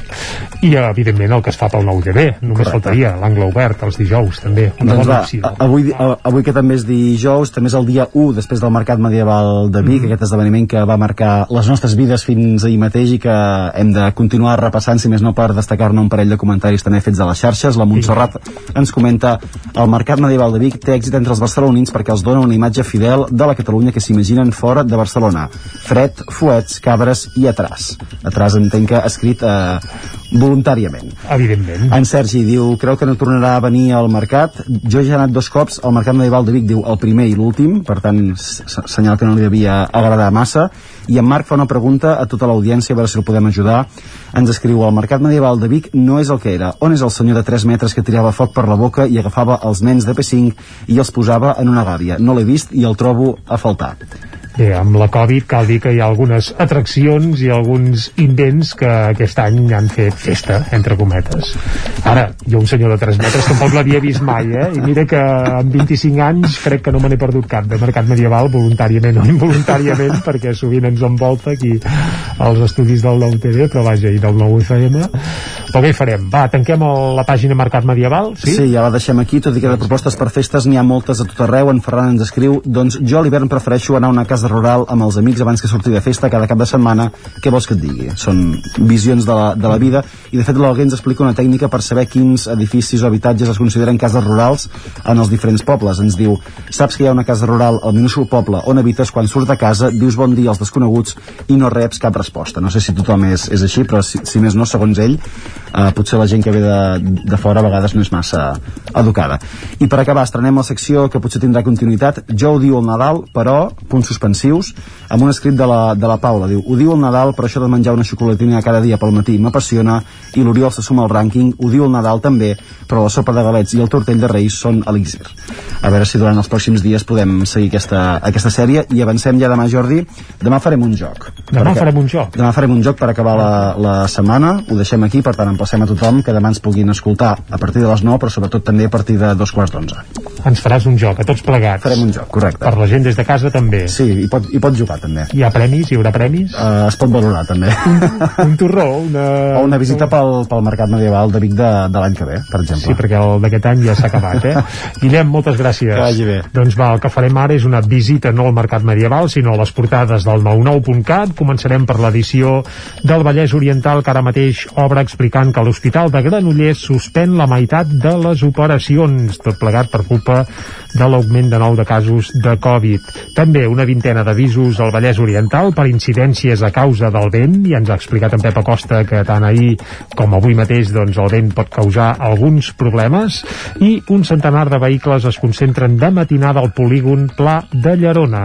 Anem cap a l'edició d'Osona i el Ripollès, que ara mateix obre amb una entrevista a, a vaja, uh, hem de descobrir qui és, eh? perquè va, la Liliana Tomàs, que és la comissària de l'any Joan Tomàs i neta d'aquest conegut folclorista. I el que explica la Liliana és que el seu avi considerava que les cançons recollides havien de tornar al poble. El poble, el que és del poble, ja ho diu, ja ho diu la dita. Més coses que apareixen ara mateix a la portada del 9-9 d'Osona i el Ripollès.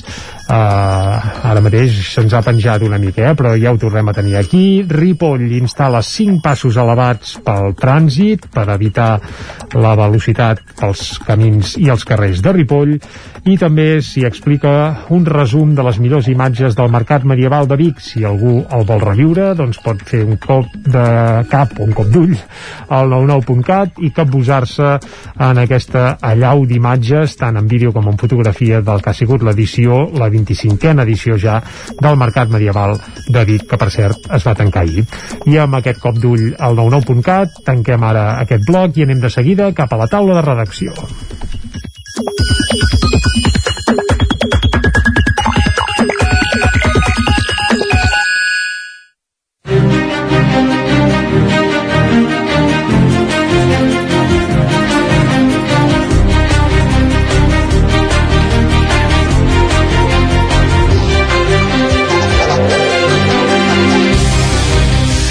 Una taula de redacció que avui compartirem amb Isaac Muntades i amb Jordi Vilarrodà. Comencem amb l'Isaac Muntades, que ens explicarà que últimament els bombers del Ripollès se'ls gira feina no només per apagar incendis, ahir n'hi va haver una a Camprodon, sinó també, sobretot, per rescatar excursionistes. Isaac, molt bon dia.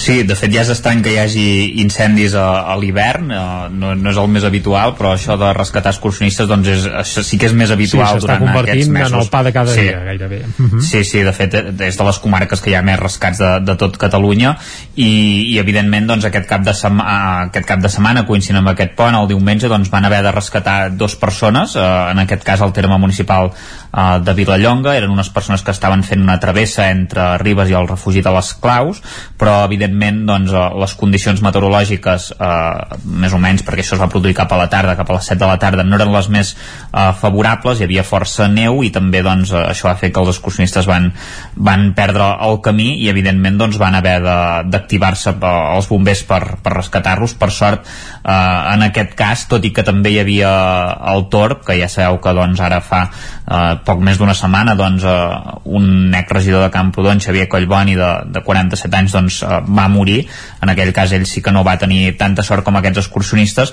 Doncs eh, aquí eh, sí que els van poder rescatar, els van localitzar a Sants i Estalvis, eh, pràcticament passada la mitjanit, de fet havien pogut muntar la tenda i tot, vull dir que mm, res a veure amb, amb, amb el que va patir doncs, eh, l'excursionista de Camprodon i, però sí, ja comença a ser una, una habitual que cada setmana doncs, ens trobem aquí al Ripollès que hi ha, hi ha rescats eh, a vegades per imprudències, a vegades per canvis de temps sobtats que a la muntanya doncs, evidentment s'han de preveure, sobretot en una zona eh, de, del Pirineu en què el torp és, és molt habitual i sobretot ara a, a, a l'hivern que quan el dia al matí de, és clar no vol dir que al migdia no, no ho sigui en aquest cas eh, els canvis són, són molt constants I a més, la previsió sort- meteorològica, deixa'm dir, Isaac, que ja alertava d'aquesta situació. Sí. Per tant, és que és important ser prudents sí. i estar al cas de les previsions per prendre decisions, com per exemple anul·lar una excursió, de vegades, eh? Exacte, sobretot per aquesta zona de, de travessia, no? per, aquesta, per aquesta zona en què a més a més hi ha, hi ha, hi ha neu, per tant ja és més, és més complicat moure's, és més complicat a trobar doncs, els camins perquè no estan tan ben marcats, per tant, doncs, encara que vagis molt ben equipat i s'ha de mirar el temps sobretot i, i veure que si a la mínima que, que no es pot fer doncs, l'excursió que es vol, doncs escurçar-la directament no fer-la, com comentaves. Doncs, Isaac, ens eh, quedem amb aquesta crida a la prudència perquè aquest cap de setmana que ve també sembla... Bé, no, no sabem quin temps farà, eh? però cal ser Mm. molt previsors i sobretot a l'hora de sortir per muntanya eh, no jugar-nos-la perquè després eh, ens pot jugar males passades tot plegat. Eh, ens quedem amb aquesta crida a la prudència. Va, gràcies, Isaac. A vosaltres. I ara aquí tenim aquí els estudis del nou FM és en Jordi Vilarrodà que ens explicarà que el famós estel que des d'ahir il·lumina el cel de Barcelona eh, també té arrels i connotacions usonenques, bé, més que usonenques del Lluçanès, oi Jordi? Exactament. Uh, de fet, no seria ben bé només aquest estel gran que vam veure ahir que s'il·luminava la Sagrada Família, sinó, sobretot, una corona de 12 estels més petits que hi ha a, les, a la base. Uh, si la gent mirava les imatges s'adonava que, doncs, que al voltant d'aquest estel gran hi havia 12 de més petits. Que eh, queda tan amunt que des de baix gairebé es fa difícil de veure. Uh, sí, sí, De, no, des de baix, Des de segur, baix segurament, impossible. segurament es deuen veure poc. Des, amb les imatges de televisió sí que es veien molt bé perquè és clar, hi havia imatges de, del mateix corona, o, o coronament de la, de la torre i, i es veien aquests.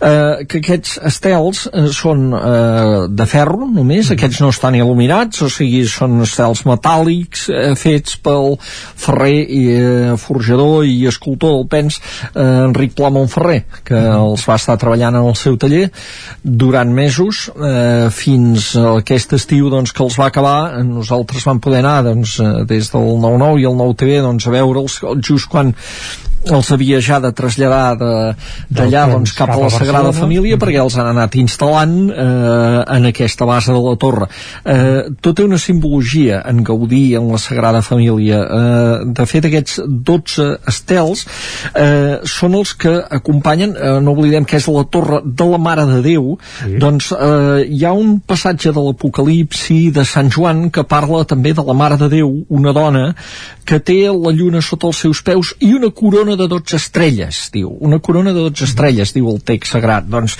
clar, eh, aquí doncs, es representa això, de fet aquestes 12 estrelles normalment acompanyen moltes iconografies de la Verge Maria també, i, i fins i tot són, tenen a veure sí, amb els 12 estels que hi ha a la bandera d'Europa eh? Carai. Sigui, sí, sí, sí eh, eh, totes aquestes coses simbòliques totes lliguen molt crec que la, diuen que la façana de la Passió que aquesta sí que Gaudí sí. va estar sobre, entre cometes també apareix un estel amb Sí, 12 sí. puntes eh? Uh, exacte, I, i de fet cada un dels estels, ara ho anàvem a dir de fet cada un dels estels també té 12 puntes dels estels que ha fet l'Enric Pla o sigui, eh, tot això doncs lliga eh? Eh, i aquests estels doncs es van fixar eh, de, sobre uns suports metàl·lics les, la torre de, doncs, ja fa unes punxes de pedra després allà en surten uns suports metàl·lics molt ben formats, esclar, perquè han d'aguantar eh, Bueno, poden haver d'aguantar només faltaria que baixessin de l'alçada de l'alçada que exactament, exactament estan, podrien causar està estralls. tot preparat perquè aguanti ventades, terratrèmols i el que sigui eh, i, i, i de fet forma part això dels treballs que fa l'Enric Pla Montferrer a la Sagrada Família perquè des de fa un temps a més ell és el coordinador dels treballs de forja que es fan en el temple. Ell n'ha fet diversos, ha coordinat també els d'altres forjadors tot allò en què intervé el ferro forjat eh, els elements metàl·lics de forja eh, doncs ho porta ell. Eh, Gaudí, com molts arquitectes modernistes eh, treballava molt amb els artesans de la seva època. Els fusters, els ferrers els ceramistes, els vidriers eh, i, i això és un esperit que s'ha mantingut, diguem. l'Enric Pla, de fet, va començar a treballar per a la Sagrada Família quan s'havia de reconstruir un moble dissenyat pel mateix Gaudí per a la sagristia que es havia cremat l'any 1936 n'havien quedat les restes i tota una part era metàl·lica, no només de fusta. I llavors el van cridar amb ell. I a partir d'aquí els va agradar la seva feina. Eh, després doncs, de passar la selecció pertinent doncs, eh, van entrevistar tres forjadors i al final li van dir tu, eh, tu a partir d'ara eh, portes tot el que sigui de- d'aquesta matèria de ferro o de metall forjat dintre del temple. I ell ha fet diverses intervencions eh, amb baranes, amb mobiliari eh, amb diferents intervencions de les quals evidentment aquesta és la més important. Fins i tot en, els, eh, en l'estel il·luminat tota la part metàl·lica es va fer a França però després ell la va acabar el pens amb forja o sigui, tot té un acabat de, un acabat els de acabats forja del famós estel que des d'ahir aquell, aquell estel, Barcelona sí, també són aquell estel li anaven mostrats. portant les barres metàl·liques i llavors ell anava treballant-les també amb un treball de forja perquè estan texturats, estan treballats etc. I llavors eh, això també en aquell estel gran ell va tenir una intervenció, tot i que la part principal que destaca més el vidre i tot, però llavors en els altres sí perquè els altres són només de metall i per tant es van fer Sí, tots en el, en el taller del Pens que precisament doncs, a l'estiu va fer fins i tot una petita jornada de portes obertes allà al seu taller perquè els alpensins allò poguessin anar a veure tots aquests estels abans de que marxessin cap a la Sagrada Família. Doncs Jordi, moltes gràcies per anunciar-nos que bona part del que corona l'Skyline barceloní des d'ahir doncs és amb accent lluçanès. amb accent lluçanès, efectivament. Doncs ens quedem amb aquest detall i quan passa un minut de tres quarts d'onze del matí el que farem de seguida és anar cap a la plaça amb la Maria López.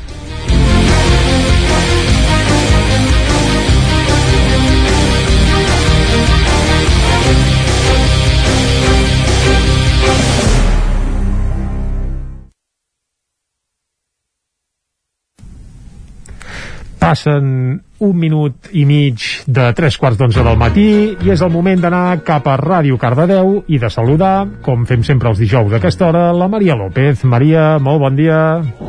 Hola, molt bon dia, com estem? I molt bona hora, bé, bé, bé, aquest dijous amb regust de dilluns, eh? No sé tu com el vius també, eh? Una mica estrany. Sí, una mica amb el, amb el peu canviat, eh? No, no tenim massa clar en quin dia vivim, però bé, la sorpresa serà demà, que diem, mira, apa-li. Oita, ja som divendres. ja som divendres. està bé, està bé. Doncs, doncs com a dijous eh, tornem aquí a la plaça, aquest espai on la nova economia deixa de ser un misteri i baixa al món terrenal. I avui precisament ens toca parlar d'un tema que per la gran majoria és precisament dels conceptes de nova economia més difícils de comprendre, potser precisament perquè parlem de diners intangibles. Vaja, que no els podem treure el caixer. I és que tot i que no les podem veure, qui no ha sentit parlar de les criptomonedes? Portem ja molt de temps sentint parlar de bitcoins, de cardanos, i segur que algú us ha parlat d'aquell algú altre que s'ha forrat comprant criptomonedes, que va invertir 100 euros i que avui dia viu a les Maldives. I es genera allò de, ei, jo vull això, perquè qui no voldria viure a les Maldives? Així que Uh, avui intentarem posar, que diria Carles, porta una mica de llum a la foscor per entendre si això pot ser o no pot ser. Aprendre una miqueta més sobre tot aquest món de les monedes virtuals. I per parlar de tot això, avui ens acompanya la doctora Natàlia Cugaró, ella és directora general d'ONZA. Bon dia, Natàlia. Hola, molt bon dia. I ens acompanya també una setmana més, que està aquí amb nosaltres, la Gemma Vallet, ella és directora de màrqueting d'ONZA. Bon dia, Gemma. Bon dia, Maria. Jo no sé si és veritat això de les Maldives o no, ara m'ho descobrireu vosaltres segurament, perquè potser molta gent ens està escoltant i de cop eh, fem aquí un boom amb les criptomonedes, però comencem pel principi, perquè no és fàcil d'explicar què són les criptomonedes. Doncs efectivament, com tu dius, no és fàcil d'explicar i aquest boom que s'està produint de que tothom es fa milionari, doncs a veure, és cert en alguns casos, però com tot eh, s'ha de mirar amb precaució. Les criptomonedes són actius eh, financers que realment permeten traslladar valor de persona a persona d'una manera molt senzilla perquè són digitals. Per tant, real, realment és un sistema on si arribem al màxim extrem, per exemple el cas del Bitcoin, no necessitem ni banc central ni bancs comercials. Les persones, per tant, són propietàries dels seus propis diners. Per entendre o intentar això que intentem fer sempre de baixar-ho terrenal, eh?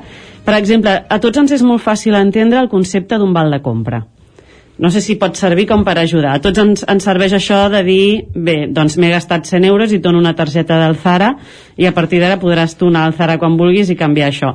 Però si el jersei valia de preu, tu pots comprar més jerseis o menys jerseis d'aquest tipus. Podríem fer una comparativa amb vals intangibles perquè la gent ho pugui entendre? O m'he flipat jo aquí amb l'explicació no té res a, a veure, t'haig de dir que t'has flipat una mica però ja m'està bé, eh? no, no passa res. Flipar està bé, flipar està bé. No, a veure, sí que és això perquè en realitat, com tu molt bé dius les criptomonedes quan neixen és a dir, el valor que se'ls dona quan se'ls equipara doncs, amb una moneda normal les anomenades les monedes fiat evidentment se'ls ha de donar aquest valor val? el que passa que les criptomonedes en general tenen diferents tipus, és a dir, no totes són iguals uh -huh. és a dir, què passa? això que deies tu de forrar-se. Et forres perquè és un actiu volàtil que quan té molt risc al principi, perquè és una tecnologia que l'ha adoptat molt poca gent, realment al principi la gent que hi aposta guanya molt més, però també té molt més risc de que aquesta tecnologia no s'acabi adoptant. Per tant, aquests grans guanys venen acompanyats de grans riscos. Uh -huh. val? Per tant, això és així en el cas del Bitcoin, per exemple, i d'altres criptomonedes associades doncs, amb nous protocols, noves maneres d'intercanviar aquest valor digital. Sí que és veritat que recentment han sortit altres eh, criptomonedes, com serien les monedes estables, que intenten tenir una vinculació molt més vinculada en el euro en el dòlar. Aleshores, aquestes monedes, aquesta volatilitat tan extrema a curt termini no hi és, i per tant aquest risc de que realment eh, perdis el valor a curt termini no hi és. Val? Per tant, hem de distingir. Per això dic que és molt important formar-se i informar-se, és a dir, forrar-se sí, és un actiu digital del risc perquè està començant i hi ha molt poca gent que l'ha adoptat Val? Ara estem començant l'adopció massiva. Aleshores, si tu coneixes molt bé aquell protocol, molt bé aquella criptomoneda i apostes, com la gent va fer amb el Bitcoin en els seus inicis, doncs sí que realment han guanyat això. O com la gent ha fet amb el Cardano en els seus inicis, doncs sí que han pogut guanyar això. La gent que la va adoptant mica en mica en altres moments, doncs evidentment té menys risc, però també guanya menys. És a dir, és com un actiu, qualsevol. Uh -huh. Les estables, què volen? Que sigui un mitjà més d'intercanvi, que preservis el teu valor amb aquesta moneda i per tant s'assembli més a un patró relacionat amb euro o amb dòlar. I per tant, aquesta volatilitat no hi és, aquests guanys fantàstics que deies, tampoc. Val? Bé, si això. Ara, és una manera molt fantàstica de que un valor digital es traslladi si jo tinc la meva moneda i tu tens la teva moneda i tenim cadascú el nostre bitlleter, entre tu i jo, sense que hi hagi una entitat bancària al mig o un banc central al mig. Uh -huh. Per què és tan important que la gent comenci a, a controlar de què va això de les, de les criptomonedes? És molt important perquè és inevitable que realment aquesta tecnologia, aquesta digitalització arribi a implementar-se. O sigui, és el mateix que quan als anys 90 internet, no? La gent veia internet com una cosa que realment no entenia. És a dir, hi havia una part de la població que estava molt informada i molt formada, una part que no. Però al final, ara tots utilitzem internet. I ens sembla molt normal passar-se informació a través del mail. Mm -hmm. En mhm. aquell moment, la gent ho veia com, què és això? Doncs això passarà exactament igual, però a més a més, un, molt més ràpid, i dos, molt més inevitable, perquè ja estan relacionades les finances. I està relacionada la transmissió del valor per tant, estic traslladant el meu valor, el que jo tinc, cap a tu, val? perquè el tinguis tu. Per tant, en realitat, això a part d'inevitable és molt més potent perquè permet aquestes finances que diem descentralitzades o en alguns casos semidescentralitzades i per tant permet que aquest valor es traslladi molt ràpid i no depengui d'intermediaris.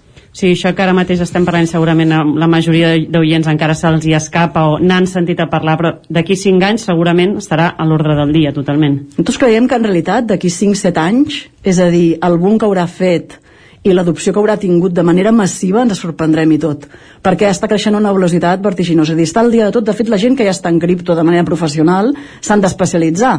No poden ni tan sols abarcar tot l'ecosistema cripto extens que existeix perquè ara hem parlat aquí del bitcoin i hem parlat aquí de monedes estables però en realitat també haureu sentit a parlar dels NFTs que són tots aquests actius no fungibles, tot aquest art digital que es pot crear digitalment, es poden crear mons digitals i economies paral·leles digitals. I tot això ja està passant.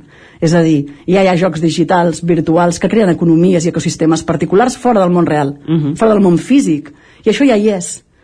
Per tant, això hi serà molt més. És a dir, el que està passant és un creixement exponencial. O sigui, per això ho veurem totalment a la realitat en 5-7 anys i ens en farem creus, com ens en vam fer el seu dia amb internet sí que ningú entenia molt bé per què feia falta, però tothom s'ho anava posant perquè semblava que allò semblava que passaria, no? semblava que passaria alguna cosa passaria alguna cosa allà uh, a una persona que ara potser ens estigui escoltant no controli massa però tingui curiositat li recomanaries que potser faci o provi de fer una petita compra de monedes virtuals per començar a, a saber com funciona? O això és una cosa que hauríem de deixar de moment ja a, a terreny expert, diguéssim. Clar, jo crec que, que jo, consells financers, o sigui, ha de dir fes això, fes allò, és a dir, la gent el que ha de fer és formar-se i informar-se, i aleshores cadascú prendre les seves decisions, perquè precisament les finances cada vegada han de tendir més, i, i, i en això doncs eh, eh, s'ha de formar la gent, perquè cadascú prengui les seves decisions, és a dir, jo ara dir-li algú, fes això, fes allò, no? Jo puc dir el que faig jo, o el que d'alguna manera veig que fa la gent que hi entén, però sí que és veritat que cadascú ha de conèixer ell mateix, és a dir, el nivell de risc que té cadascú, i això passa amb els bancs convencionals, quan t'assessoren en un producte financer, necessiten que tu agafis consciència de quin risc vols tenir.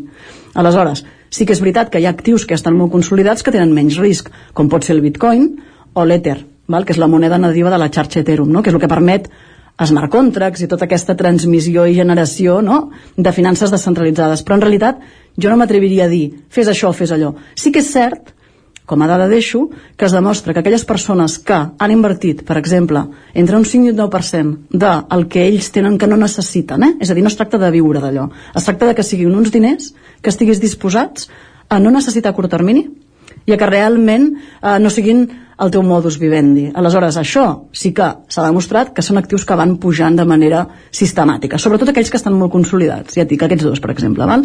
Hi ha aquests que van naixent ja convé un anàlisi expert, una persona que s'hi posi, entengui de què va la tecnologia que hi ha al darrere i decideixi, com faria amb qualsevol altra inversió, si creu o no creu en aquella inversió. Llavors és una decisió molt personal. Aquests que acaben com, com de néixer, que potser són més inestables, són també potser els que hi ha més possibilitat tant de, de, de risc de perdre com del revés, que allò peti cap amunt i, i que un de la nit al dia el que deien es puguin anar a viure a les Maldives? Efectivament, de fet, és que això està passant ja. Bé, és la frase aquella, qui no risca no pisca, no? Al final... Totalment, uh, totalment, és a dir, el risc hi és, però això hem de ser prudents, és a dir, conèixer-nos nosaltres mateixos de quin és el risc que nosaltres volem assumir, perquè en el fons no deixa de ser un actiu, en molts casos, eh, que té molta volatilitat, per tant, realment, si tu inverteixes avui pensant que et faràs ric demà, doncs, i necessites treure aquests diners, igual demà, demà has perdut un 15%, oi? Però si és capaç d'entendre aquella tecnologia, invertir en allò, i d'aquí un any ja veurem què passa, doncs és aquí on pot haver-hi aquests, aquests grans guanys. Però sempre hi ha d'haver aquest autoconeixement. Sí, d'alguna manera és allò de, de tenir aquesta paciència perquè les monedes evolucionin uh, dins aquesta, a, a llarg termini, no? I amb el que es pot pressuposar que Totalment, vagi clar. És com les .com, també va haver-hi bombolla, no? Uh -huh. És a dir, va haver-hi la gent que invertia en, en .com, no?, sense entendre absolutament uh, res del que hi havia al darrere. Aleshores, quan va haver-hi el boom, desgranar quines realment són, donen valor i aporten alguna cosa i quines no, doncs és important, perquè això vol dir informar-se i formar-se. Això passa exactament igual amb, la, amb les criptomonedes. Suposem que ens estigui escoltant alguna persona que digui, doncs mira, jo tinc allò uns, uns calarons aparcadets que estan fent a, no estan fent absolutament res i m'agradaria, doncs, potser poder investigar, començar a provar com es poden comprar les, les criptomonedes. Les criptomonedes es poden comprar, de fet s'han de comprar des del teu euro des del teu dòlar, des de la teva moneda fiat, que es diu, i a través d'una plataforma que s'anomena Exchange. D'Exchange n'hi han moltíssims. És a dir, hi ha els que estan més consolidats i els que estan menys consolidats, però de plataformes d'intercanvi que s'anomenen exchange, que n'hi ha que són descentralitzades completament, és a dir, que en realitat la porten des d'una organització descentralitzada, no hi ha ningú que mani, sinó que mana el sistema amb els vots de cadascú, o un exchange centralitzat on al darrere hi ha una empresa. Hi ha uns inversors que han invertit en, una, en un exchange i, per tant, ajuden a la gent que pugui comprar aquestes criptomonedes. Aleshores, jo no vull donar cap eh, nom concret, val? però si busquen a internet Exchange Crypto els hi sortiran la llista i poden anar-se informant de quins són els més consolidats, quins porten més temps, quins tenen més bona valoració i a partir d'aquí obrir-se un compte en un exchange dels que ells creguin que, que els hi pot servir. És sí, al final és una plataforma, una aplicació de és mòbil, És una aplicació de mòbil o inclús a l'ordenador és a dir, pots fer-ho des de l'ordenador, pots fer des del mòbil i aleshores t'obres una compte d'usuari, et verifiques i a partir d'aquí doncs, pots començar a operar. És molt complex obrir-se una compte d'aquestes o la gent es pot començar a trobar que ara et demanin no sé, eh? En realitat és com un banc digital, és a dir, tenen el seu procés de conèixer el seu client i per tant doncs, dones les teves dades, dones dades teves de verificar la teva identitat i a partir d'aquí um, els, els que són centralitzats sobretot et demanen això, com podria fer-te un banc digital, els descentralitzats en teoria està més anonimitzat i per tant en alguna mesura no et demanen tantes dades personals però també tens que tenir més control de la tecnologia perquè tens la teva clau privada i a partir, a partir d'allà diguéssim eh, normalment com funciona és que s'organitza la pròpia comunitat d'aquell exchange uh Mhm. -huh. aleshores això és que l'usuari vegui quins hi han, quines opcions li donen i ho provi Hem parlat de riscos perquè evidentment doncs, és un tipus d'aposta amb la que, per dir-ho d'alguna manera, eh, on, on hi ha aquest risc de, de perdre però fins a quin punt ens podem eh, quins riscos hi ha exactament i com ens podem d'alguna manera mantenir segurs doncs sobretot eh, no invertint coses que no invertint actius que necessitis és a dir, això és molt important, és a dir, ser conscient de que el que poses a, en aquesta inversió, doncs en aquest moment, que és, encara està en la fase incipient, no? és a dir, cada vegada va més ràpid, però està en la fase incipient, doncs no hi posis allò que necessites. Val? Per tant, t'informis, et formis i siguis prudent amb la teva realitat econòmica, és a dir, que real, realment no hi posis allò que necessites. Bàsicament és així, és a dir, no hi ha més, no hi ha més consells a, a donar. És a dir, la decisió l'ha de prendre un mateix. Ara, els riscos, doncs bé, és com si inverteixes en una empresa, doncs té uns riscos perquè has de conèixer doncs, la propietat que hi ha al darrere, eh, quina activitat fan, quin valor aporten, i depèn de com fas una valoració i dius, sí, crec que, i crec en aquest projecte, i t'arrisques. Si arrisques amb una, amb una quantitat que perdre-la no et suposa cap problema, doncs en principi no estàs exposat. Val? Sí que és cert que mm, en aquestes eh, tecnologies les que estan consolidades jo tampoc conec gent que hi hagi perdut molt si ho deixa un cert temps si ho pensa a llarg termini i coneix la tecnologia Sí, potser les persones que més han perdut han sigut el que dèiem abans, no? L'exemple de poso avui i demà espero treure i resulta que m'he trobat que ja he fet un sí. patapam d'un dia per l'altre. Totalment. No? O, per exemple, escams o fraus o, o no entendre qui hi ha al darrere o no informar-se bé o, dir, o fer cas del consell d'aquell amic que s'ha forrat.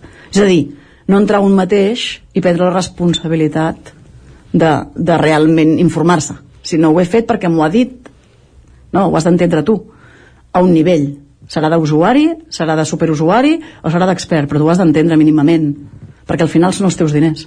I suposo que és un terreny també on, on ens és molt fàcil deixar-nos enlluernar per aquestes històries no, que, que han sortit bé, que, que, que existeixen, però que segurament doncs, són, són comptades, no, no deuen ser la gran majoria, entenc.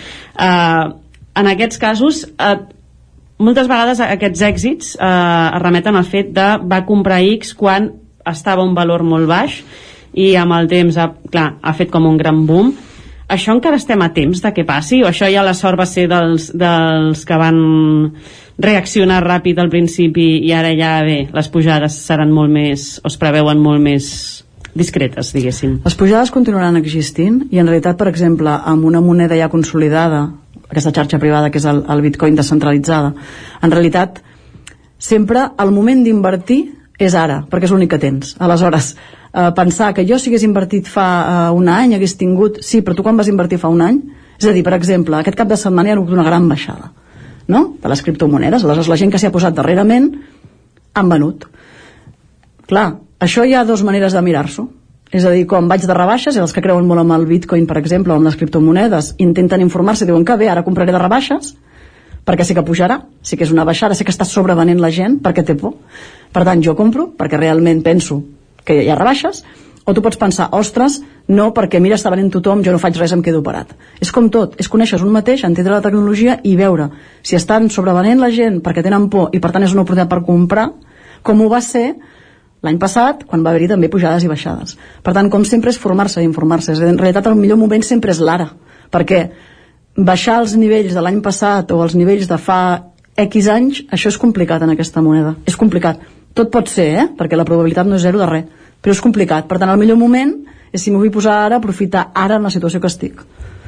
Doncs ja sabeu, tots aquells que ens estigueu escoltant, eh, criptomonedes, tot un món per, des per descobrir, però que tenim just aquí a la cantonada, així que més val que ens anem posant les piles. Passen 3 minuts de les 11, ens estem acostant al final de la plaça, però abans de marxar, Gemma, si us plau, de què parlarem dijous que ve? Dijous vinent parlarem, evidentment, com que estem a tancament d'any, coses que creiem que poden passar o que poden ser molt útils per entendre la nova economia. I avui hem vist una cosa espectacular amb la Natàlia, doncs amb aquests tips eh, de la nova economia tornarem dijous vinent aquí a la plaça. Moltíssimes gràcies a les dues per acompanyar-nos avui. Gràcies doncs, a .cat per acompanyar-nos cada dijous aquí a la plaça. Torno al relleu, companys de Vic, i ens veurem dimarts vinent amb un nou racó de pensar. Doncs Maria, moltes gràcies. T'esperem això dimarts al racó de pensar i dijous a la plaça. Avui ens ha parlat de criptomonedes la Maria López des de Ràdio Televisió de Cardedeu. I ara nosaltres el que farem, quan ja passen 4 minuts minuts llarguets de les 11 del matí és acostar-vos de nou l'actualitat de les nostres comarques. Ja ho sabeu, l'actualitat de les comarques del Ripollès, Osona, el Moianès i el Vallès Oriental. Territori 17, amb Isaac Moreno i Jordi Sunyer.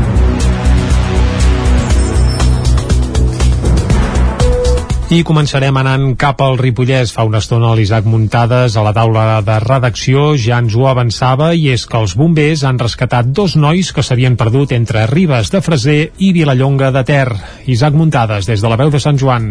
El passat diumenge els bombers de la Generalitat de Catalunya van haver de rescatar dos nois al terme municipal de Vilallonga de Ter. Els fets es van produir cap a les 7 de la tarda quan els dos excursionistes que anaven acompanyats d'un gos van avisar que estaven caminant entre Ribes de Freser i el refugi Claus, però les les condicions meteorològiques no els permetien continuar la marxa. Com que hi havia molta neu, els excursionistes van perdre el camí i no sabien si estaven més a prop de Tregurà o del municipi ribetà. Per tal de rescatar-los es va activar el grup d'actuacions especials i bombers dels parcs de Camprodon i Ripoll. Uns i altres van decidir pujar cap a la zona per diferents vessants per duplicar la possibilitat de trobar aviat els joves. Els efectius van constatar la presència del torb. Cap al vespre els joves van aconseguir fer arribar la seva ubicació a través de missatgeria instantània. A més, van poder plantar una tenda i s'hi van arrasarà. Sortosament, els bombers els van localitzar sants i estalvis quan passaven 18 minuts de la mitjanit. Un final molt diferent d'aquell que va tenir l'excursionista de Camprodon de 47 anys, Xavier Collboni, que va morir a la zona de Vallter 2000 després de quedar colgat per 50 centímetres de neu i ser traslladat a la Vall d'Hebron en estat crític i amb una hipotèrmia severa abans de morir al centre hospitalari. Dimecres i dijous de la setmana que ve, el calldetanenc Roger Aguayo serà jutjat a l'Audiència de Barcelona. Dissabte, una manifestació amb unes 300 persones que va sortir de la plaça 11 de setembre de Calldetenes i que va acabar a la plaça Major de Vic va reclamar la seva absolució. Prop de 300 persones arribaven dissabte a la plaça Major de Vic en la manifestació de suport a Roger Aguayo que havia sortit de Calldetenes. L'acte impulsat pel grup de suport Pigon Negre i Alerta Solidària va demanar l'absolució d'Aguayo, veí de Calldetenes, que serà jutjat els dies 15 i 16 d'aquest mes acusat de delictes d'atemptar contra l'autoritat i desordres públics en el tall de la C-17 i la C-25 a GURB el 21 de febrer de 2019 en les protestes per l'inici del judici del procés. Els advocats privats dels Mossos d'Esquadra li demanen una pena de 4 anys de presó i la Fiscalia un, on en aquest cas la Generalitat no exerceix d'acusació particular. Eva Pous és advocada d'Alerta Solidària. Veiem fins i tot que en aquest cas els Mossos d'Esquadra de nou van més enllà del que demana la Fiscalia. Fiscalia només demana un any, Mossos d'Esquadra demana fins a 4 anys i és de nou no, l'evidenciació de l'escarni que vol el, els, els agents no, contra els manifestants i com intenten criminalitzar amb aquestes accions precisament la gent que es mou. Pigon Negre i Alerta Solidària consideren que l'acusació contra Guayo és un muntatge policial en els parlaments van insistir que el tall de carretera es va desenvolupar de manera pacífica i van qüestionar els Mossos d'Esquadra afirmant que el cos actua amb impunitat. A l'acte hi van assistir representants de la CUP i d'Esquerra. Escoltem per aquest ordre Dolors Sabater, diputada de la CUP al Parlament, i Isaac Paraire, exsecretari d'Organització d'Esquerra. El que es veia avui al carrer és moltíssima gent recolzant a la Guayo, moltíssima gent defensant la seva innocència, reclamant la seva absolució i eh, moltíssima gent reclamant justícia de debò, que la justícia és que es deixi de criminalitzar l'independentisme. Veure en Roger Guayo al final emocionat i agraït és el, el, el millor regal del bon resultat d'aquesta manifestació, aquesta concentració d'un dissabte de desembre a la tarda um, i amb un pilot de gent que, que hi havia, per tant una solidaritat antirepressiva necessària, imprescindible en aquest moment. L'acte a la plaça Major de Vic va acabar amb actuacions musicals i diumenge es va fer un concert solidari a la Sala La Cabra de Vic. Una exposició a la sala d'Elger de Caldes de Montbui mostra el que implica ser mare soltera al Marroc. Caral Campàs, des d'Ona Codinenca. Veus invisibles, les mares solteres i la infància abandonada al Marroc, que és el títol de l'exposició que es podrà visitar a la sala del G del 13 al 23 de desembre. És una mostra multimèdia organitzada entre l'Associació Amics dels Infants del Marroc i l'Ajuntament de Caldes i mostra la realitat de ser una mare soltera al país africà i alhora presenta la feina feta des del 2017 a través del projecte de cooperació en el qual participa directament el municipi. L'exposició, a partir de fotografies de Laura Puig, Natali Vigini i Zoe Vicenti, presenta presenta la realitat complexa i violenta que viuen aquestes famílies i aporta llum a la consciència col·lectiva per promoure i defensar els drets de les dones i la infància. A més, el format multimèdia permet visibilitzar la situació en què es troba aquest col·lectiu al Marroc i a la vegada fer evident la discriminació que pateixen, la situació d'abandonament d'aquests infants i sobretot les iniciatives que es duen a terme per millorar la realitat d'aquest col·lectiu. D'aquesta manera, a banda de les fotografies, el visitant podrà escoltar el testimoni de 19 mares solteres i persones que han estat abandonades festes al Marroc, així com també veure nou vídeos informatius sobre l'activitat de diverses entitats marroquines que treballen en aquest àmbit. La mostra s'ha programat durant aquestes dates com una manera de celebrar el Dia Internacional dels Drets Humans, que és el 10 de desembre. Granollers encén el Nadal i presenta el programa d'activitats per a aquestes festes. La programació recupera la cavalcada de Reis, el Parc Infantil de Nadal i els tallers de fanalets i picarols, entre d'altres activitats. Núria Lázaro, de Ràdio Televisió, Cardedeu. Granollers encès el Nadal a la ciutat aquest dilluns al vespre amb un acte a la plaça de la Porxada. El Patge Gregori i en Picarol han estat els encarregats de donar la benvinguda a les festes i presentar el programa d'activitats que ja es pot consultar a www.granollers.cat barra Nadal. A més, la Patxa Llum, el nou personatge que s'incorpora en guany a l'imaginari del Nadal de Granollers, ha arribat per portar la llum a la ciutat. Així, tots tres patges han encapçalat la comitiva que han encès els llums de Nadal pels carrers i places i també la nova il·luminació patrimonial de la façana de l'edifici de l'Ajuntament. Aquesta ha estat justament una de les novetats que s'han explicat abans de l'acte d'encesa del Nadal. L'alcalde Josep Mayoral ha destacat les ganes de carrer en unes festes que viuran de nou intensament però amb prudència seguint les mesures Covid.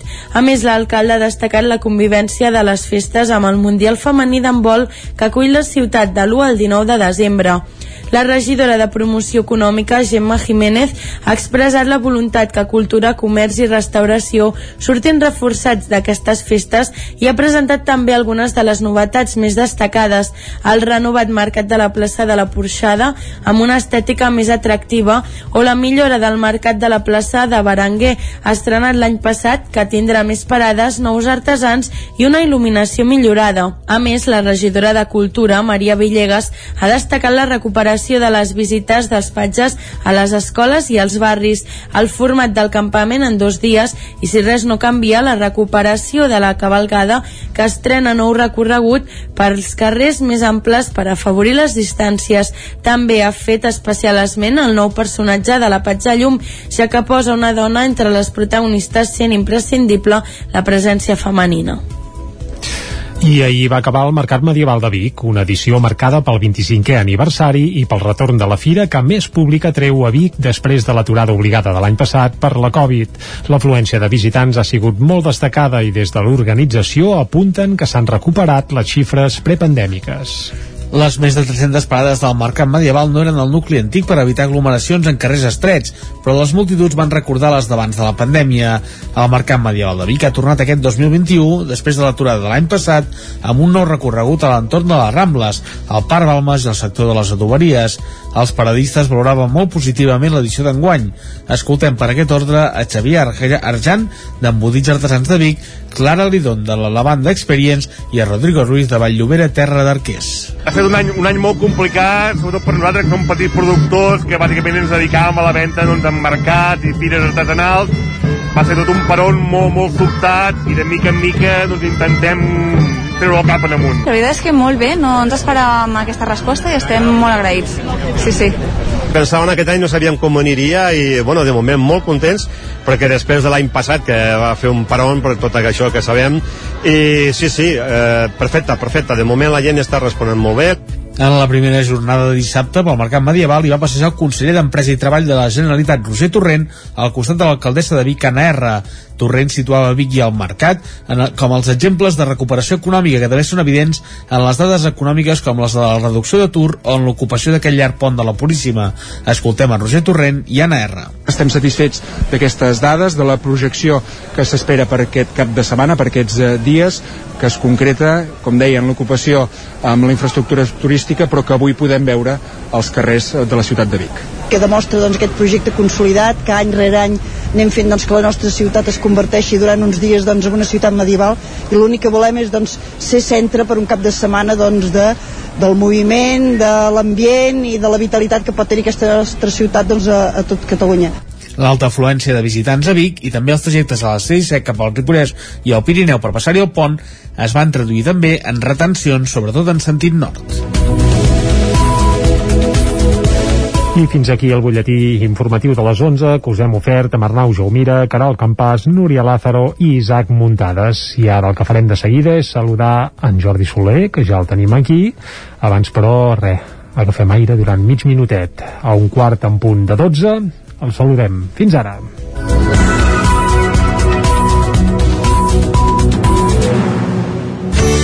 Territori 17. Envia'ns les teves notes de veu per WhatsApp al 646 079 023. 646 079 023. WhatsApp Territori 17.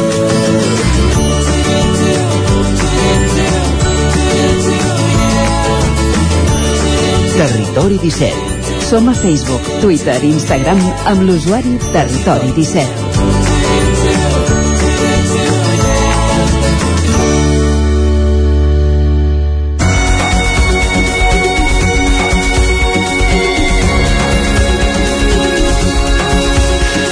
Doncs vinga, són un quart de 12 en punt del matí, seguim en directe aquí a Territori 17 i ja tenim els estudis del nou FM, en Jordi Soler. Jordi, bon dia.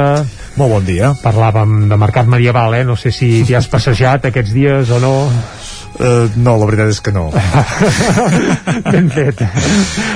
I diria que tampoc m'hi ha trobat a faltar, eh? perquè crec que ha estat bé un, un èxit d'afluència. Sí, sí, una edició, hagut... ja ho dèiem, com les d'abans de la pandèmia, pràcticament. Sí, sí, sí, sí, vull dir que molt bé, molt bé, vull dir, bé pels firaires, bé per la gent que, bueno, quan puc gaudir, no? Vull dir que mm. me n'alegro molt. Va, però amb en Jordi no parlarem pas de mercat medieval, sinó que parlem sempre d'alegria interior, de com afrontar millor doncs, situacions concretes i moments puntuals, i Jordi, avui per on aniran els trets? Vejam, avui seguirem, seguirem amb el recorregut que vam començar aquesta temporada, mm -hmm. que és eh, intentar entendre, connectar, comunicar, establir aquest enllaç amb, el nostre, amb la nostra part més inconscient, eh? la part d'aquesta inaccessible que ens revela realment la informació que nosaltres eh, a vegades necessitem, que és important, però que de forma mental no hi podem accedir, de forma racional ens és difícil d'obtenir determinades respostes.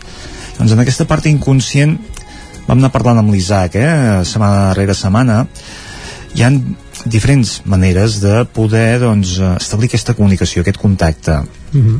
Vam parlar dels somnis, vam parlar del joc interior, vam parlar de la hipnosi, també vam parlar de l'autohipnosi, i en aquest punt l'Isaac em va fer una observació que era dir, bueno, quina diferència hi ha entre autohipnosi i meditació, no? I vam deixar-ho obert. I vam dir, en parlarem el proper dia, el ja, proper dia. ja ha arribat aquest dia, I aquest dia ha arribat, Uh -huh. i la veritat és que la meditació és una nova manera de comunicar-nos també amb la nostra part inconscient eh? Mm. aquesta part reservada, íntima essencial nostra que si la sabem escoltar podem obtenir realment les respostes que a vegades donem per, per situacions més complexes, més, més profundes, no? I la meditació no deixa de ser una manera d'establir aquesta comunicació. Mm -hmm. Doncs, diferència, diferència entre autohipnosi i meditació. La és que té moltes similituds, però la principal diferència jo diríem que l'autohipnosi és un treball, diguéssim, un propòsit, no? Vull dir, quan tu fas una sessió d'hipnosi, mm -hmm. tu vas a buscar una, una resposta a un aspecte que potser et preocupa en el moment present i que dius, va, anem a buscar d'on ve l'origen o, o el motiu d'aquesta situació que en aquests moments potser m'amoïna una mica o, o em pesa una mica llavors a través d'una sessió d'hipnosi hi ha una persona que ens guia, hi ha una persona que ens acompanya amb aquest propòsit amb una sessió d'autohipnosi podríem dir que tu fas de guia no? que no hi ha persona que ens acompanyi a fer aquest procés efectivament Correcte. doncs um, amb una meditació la diferència és que realment no hi ha aquest propòsit fixat una meditació en definitiva el que fas és connectar amb el moment present, eh, agafar un estat, diguéssim, determinat, de molta obertura, però que no hi ha aquest enfoc, diguéssim, anar a buscar una cosa concreta, concreta una resposta concreta. Aquesta seria la diferència. La resta tots són elements, diguéssim, en comú. Eh? per que... tant, paral·lelismes n'hi ha moltíssims, eh? Paral·lelismes com doncs, agafar un estat determinat amb la respiració, no? Vull dir, mm. fer un exercici de respiració, eh? relaxar el cos, connectar amb el cos, incorporar una visualització, no? Vull dir, una visualització no deixa de ser una reproducció mental d'una situació que tu pots viure a la vida real. Però això té un efecte, i és un efecte important, que és que els mecanismes neurològics que tu actives són gairebé els mateixos quan els visualitzes uh -huh. o quan els vius, dic gairebé, no, no, no són els mateixos, però, Evidentment que no, però gairebé. Si tu reprodueixes mentalment una escena agradable, el teu cos d'alguna forma agafarà una, una sensació, una situació de, uh -huh. bueno, de més eh, flexibilitat, de més obertura, no? Vull dir que els muscles de la cara, tot el cos, diguéssim, es posarà en sintonia amb això. En canvi, si estàs reproduint mentalment una situació que t'angoixi, fàcilment doncs, eh, et tensis, t'encongeixis, no? Vull dir que viure o reproduir mentalment té, diguéssim, un efecte semblant. No? Mm -hmm. Llavors, una visualització en un exercici d'hipnosi, si és guiada per una altra persona, d'autohipnosi, si és d'alguna forma generada per nosaltres mateixos. I aquí dèiem, una ajuda que podem tenir és gravar-nos aquesta visualització, eh? allò explicar que estic doncs, en un entorn natural, acompanyat de ta, ta, ta. Dir, començar a fer una descripció de l'entorn en que estàs, si estàs amb algú, de la temperatura, de les sensacions, dels colors, de, de les olors, mm -hmm. intentar reproduir el màxim de matisos d'un lloc determinat, en un moment determinat, ens pot ajudar doncs, a adquirir un estat bueno, de més plenitud, de, de més felicitat, d'estar de, de, més bé, però sobretot en un exercici d'hipnosi ens s'acosta cap allà on volem anar. No? Llavors posem el cos, eh, el preparem, eh? respirem, ens relaxem, fem un repàs de tots els els membres del nostre cos, no? de braços, mans, el tronc, les cames, els peus, els dits de les mans, eh, els muscles de la cara, i els relaxem, no? I ens posem, diguéssim, a punt, amb la visualització seguim, diguéssim, desfent una mica tots aquests mecanismes mentals, tots aquests, aquestes imatges, aquests pensaments que ens interfereixen, vull dir que traiem, traiem interferències, ens alliberem d'interferències eh, gràcies a la visualització, per poder doncs, eh, entreveure una mica el, la resposta que ens guarda la nostra part inconscient. Eh? Fixa't, tot aquest recorregut uh mhm. -huh. és per poder anar a obtenir, dir, home, quina resposta necessito jo que no pugui generar amb la ment no, no, com m'arriba això? Doncs és treure, treure entrebancs, és treure uh, interferències, eh? és alliberar-nos una mica de tots aquests filtres que posem amb tot, no? Sempre estem posant el filtre mental, doncs una mica baixar el volum d'aquestes interferències mentals que, que tendim a incorporar sempre, no? Quan preparem el terreny, és més fàcil, sigui una sessió d'hipnosi, una sessió d'autohipnosi, doncs poder doncs, eh, obtenir aquesta informació que busquem, no? Vull dir, una cosa que potser ens va traumatitzar en la nostra infància, l'estem arrossegant. Per què? Perquè en la nostra infància allò va ser important per nosaltres, però ho vam oblidar i va quedar latent, va quedar amagat, diguéssim, en aquesta nostra part més profunda, i no sabem per què ara actuem o tenim un espòs cap a unes coses determinades, no? Uh -huh. Dir, esbrinar això, mm, obtenir aquesta informació pot ser important per desencallar, eh, per alliberar, per deixar anar, doncs, un petit trauma que vam tenir de petits, que en aquells moments era molt important, que va quedar una impronta i que ara quan el sabem veure, el posem al lloc que toca, li restem importància i el desencallem o el desbloquegem i decidim una mica doncs, eh, tirar endavant d'una altra manera eh? Mm. veient que allò que era greu que va quedar impronta doncs, vist ara doncs, no era tan greu dir, podem arribar-ho a entendre d'una altra forma i podem passar pàgina per doncs, bueno, seguir d'una altra manera, no? alliberant-nos d'això. Doncs la hipnosi tenim, insisteixo i repeteixo, eh? Mm -hmm. vull dir, aquest acompanyament l'autohipnosi, necessitem nosaltres potser incorporar aquesta visualització. A través d'una gravació, eh? Vull dir que ens podem relaxar re, amb la respiració, incorporem una gravació, una visualització que ens deixi en un estat, diguéssim, de molta obertura i després ens posem una mica com a l'escolta de quines sensacions, de quina imatge, de, de quina paraula, de, de què ens arriba per trobar resposta al propòsit que hem marcat d'entrada, no? Doncs la diferència d'això respecte a la meditació és que aquesta última part no hi és. Mm -hmm. Per tot l'altre podríem dir que ho té en comú, eh? un estat de una meditació no necessàriament hi ha d'haver una visualització, però ens pot ajudar molt, no? Una, una meditació, doncs, busquem el nostre espai adequat, no? Vull dir, fem aquest exercici de respiració, baixem el volum d'aquesta interferència mental que dèiem abans, i que tot aquest recorregut és comú, és el mateix el que ens saltem una mica és la, és la part final. Tot i així, la meditació jo crec que és una molt bona eina també per connectar d'una altra manera amb aquesta nostra part inconscient. Encara que no hi hagi un propòsit encara que no anem a un lloc determinat a buscar una resposta determinada la meditació ens genera un estat d'obertura en la que s'estableix un diàleg directe amb la nostra part inconscient. Encara que no hi hagi un propòsit la informació que ens pot arribar ens pot ajudar igualment, ens pot ser beneficiosa igualment. I si més no, agafem un estat diguéssim de molta més eh, connexió amb nosaltres mateixos. I això no deixa de ser una forma nova de connectar amb la nostra part inconscient. La teoria, Jordi, la tenim bastant clara. Si algú vol que, per exemple, eh, posa'm un cas concret, algú que no ha meditat pràcticament mai o que no ha fet eh, ja no diguem hipnosi, sinó hipnosi, però que pot tenir un problema d'allò, diu, ostres, ens està escoltant i diu, m'agradaria intentar capbussar-me dintre mi mateix per intentar esbrinar què em passa quan tinc un problema concret i com puc fer per treure una mica l'entrellat, eh? Si ens situem al, en la pràctica, ja sé que en, en un minut i mig és molt complicat, eh? Però quines guies caldria seguir allò sí o sí? Bueno, és complicat i és molt senzill, eh? Ah, Vull dir que doncs vinga, anem-hi, una, un primer pas uh mhm. -huh. és suficient per acostar-te al teu propòsit. Una meditació és parar, és no fer. Vull dir que a mi quan m'ho van explicar la primera vegada, vull dir que tenim la tendència a buscar, a informar-nos... Què, què haig de fer, què haig de no sé què... No, a llegir, buscar... no fer res. Precisament, precisament, no? Vull dir que quan més busquem, més estem en la ment, i quan més estem en la ment, més ens allunyem. Per tant, què hem de fer? No fer parar. Primer consell, doncs, aquest ens l'apuntem. Això és fàcil, eh? Fixa't. Bé, fàcil. Teòricament és fàcil, però a molta gent li costa no fer res, eh? Si entenem això, ja ho tenim tot. Si no entenem això, fàcilment sorgeixin preguntes i, bueno, i com ho fem, això? I què, què vol dir no fer? I, i com, com no faig, no? Vull dir, que, com, com ho haig de fer per no fer? Vull dir, clar, és una contradicció. Sí. Llavors dius, bueno, si estem en la part mental, vol dir que hem d'anar reduint velocitat a poc a poc, hem d'anar pas a pas.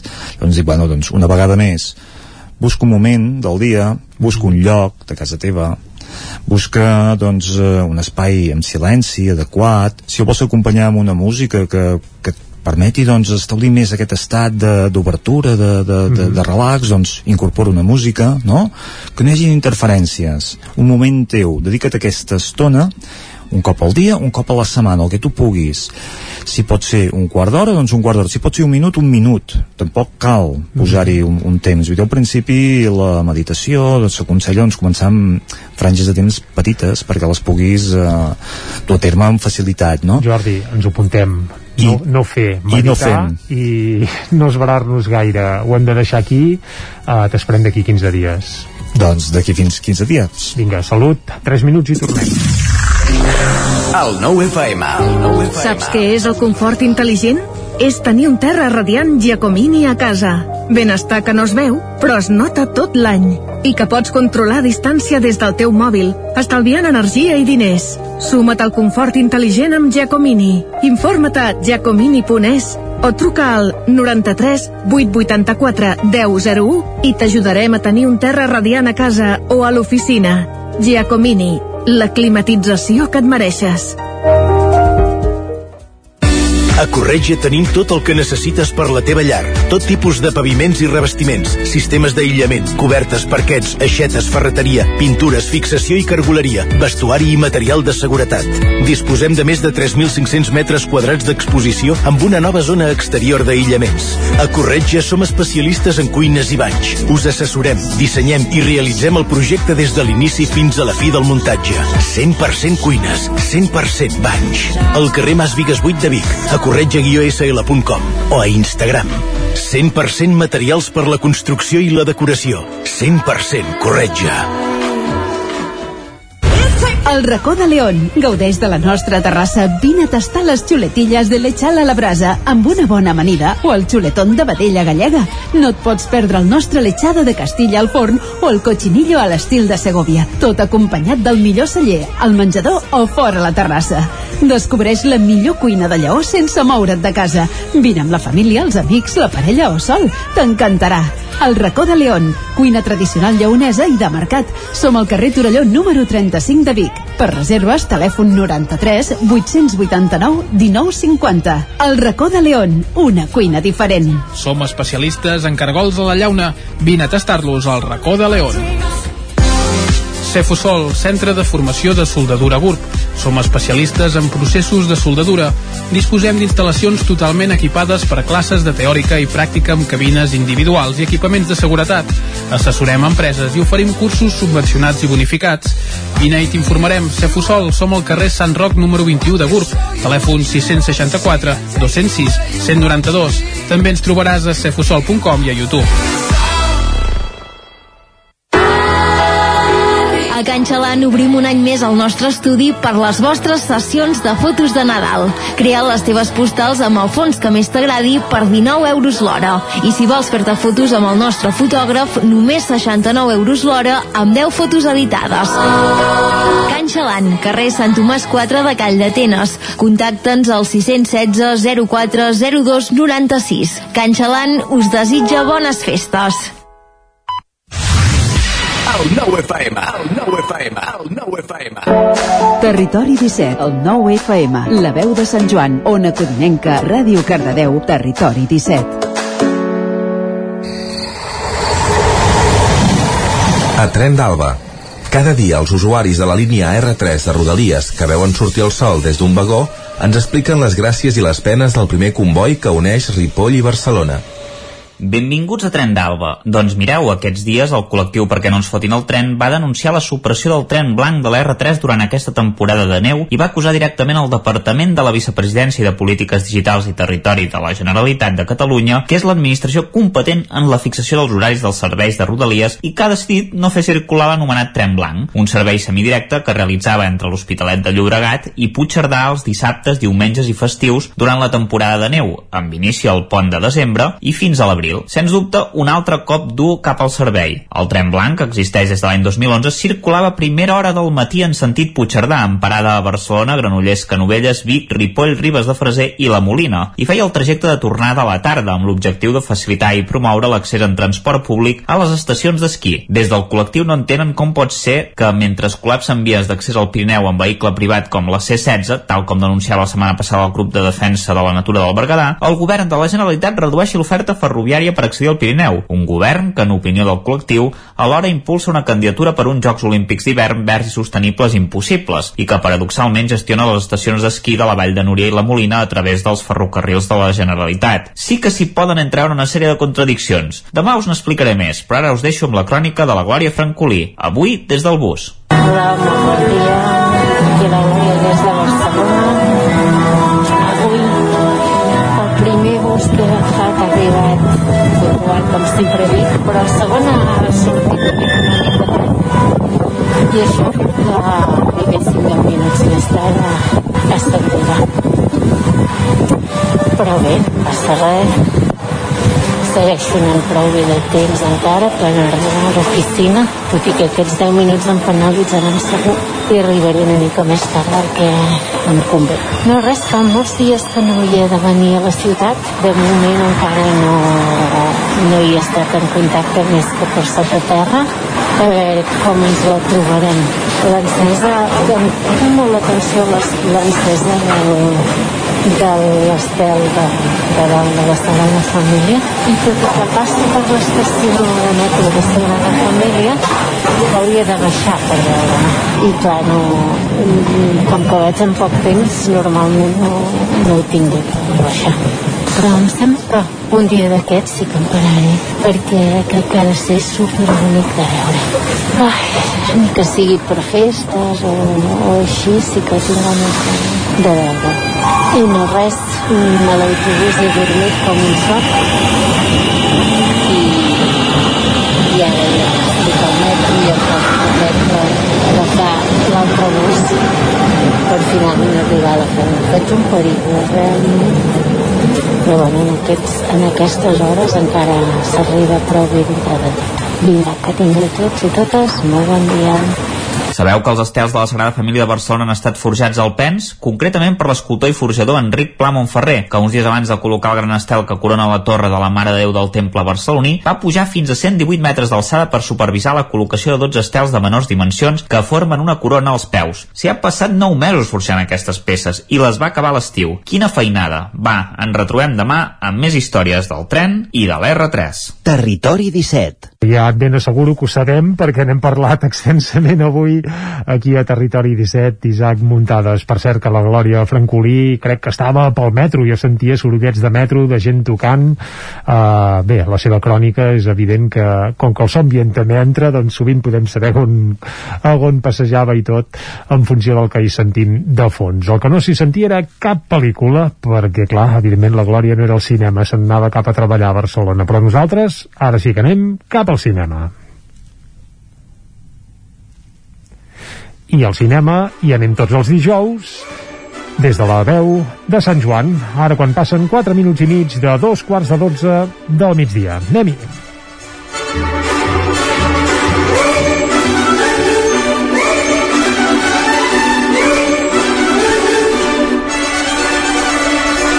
I una setmana més, moment de donar la benvinguda al nostre col·laborador, en Gerard Fosses. Hola, Gerard. Hola, què tal, com estem? Bé, i tu com estàs aquell constipat? Bé, bueno, vaig millorant una miqueta de tos i ja està, eh, coses de, de l'època. No, no, no ens encaixarem més perquè al final és el que toca l'hivern.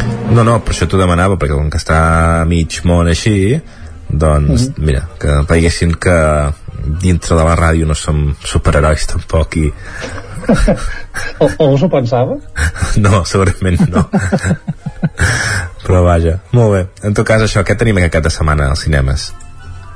A veure, aquí tenim el, el cap de setmana tonto, aquest de després de pont, que um, arriben algunes pel·lícules tampoc especialment interessants um, i ja preparant-se de cara a les estrenes de, de Nadal, no? Però tot i així arriba alguna coseta per la cartellera o, o com a mínim s'estrena i no té per què arribar a les nostres cartelleres pròpies, que és algú que, que malauradament ens trobem sovint. Però bé, comencem per una que sí que, que podrem veure avui, a més és una pel·lícula farcida d'estrelles. Es titula No mires arriba.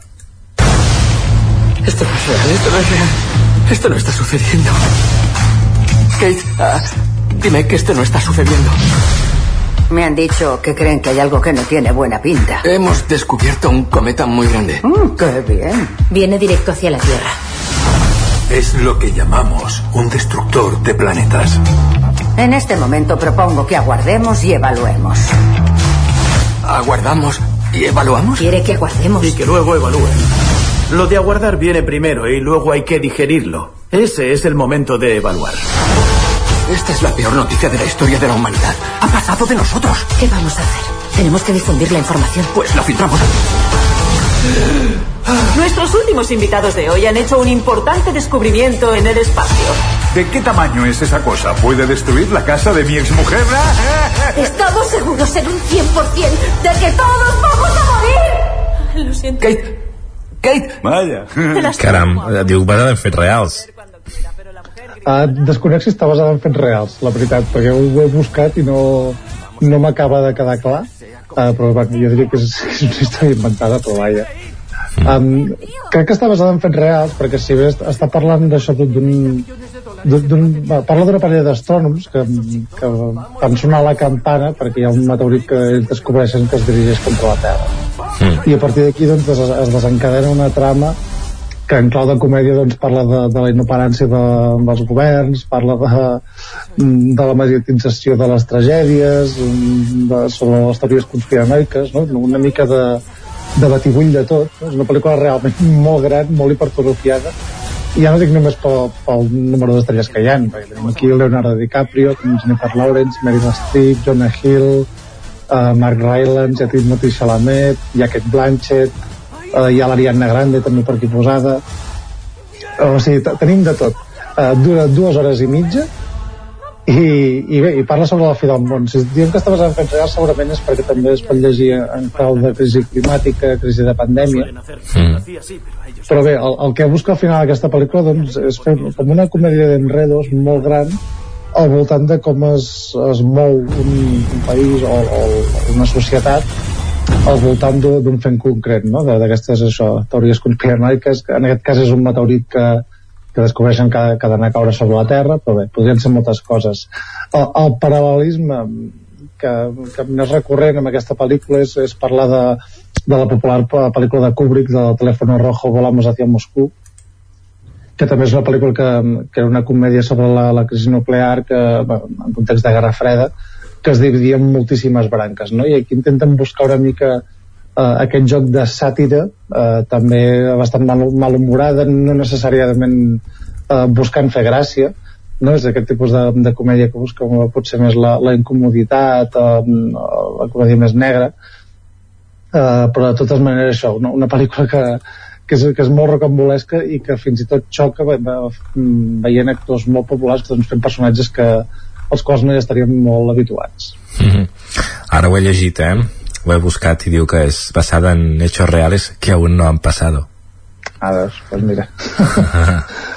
aquesta, aquesta és una mica la història.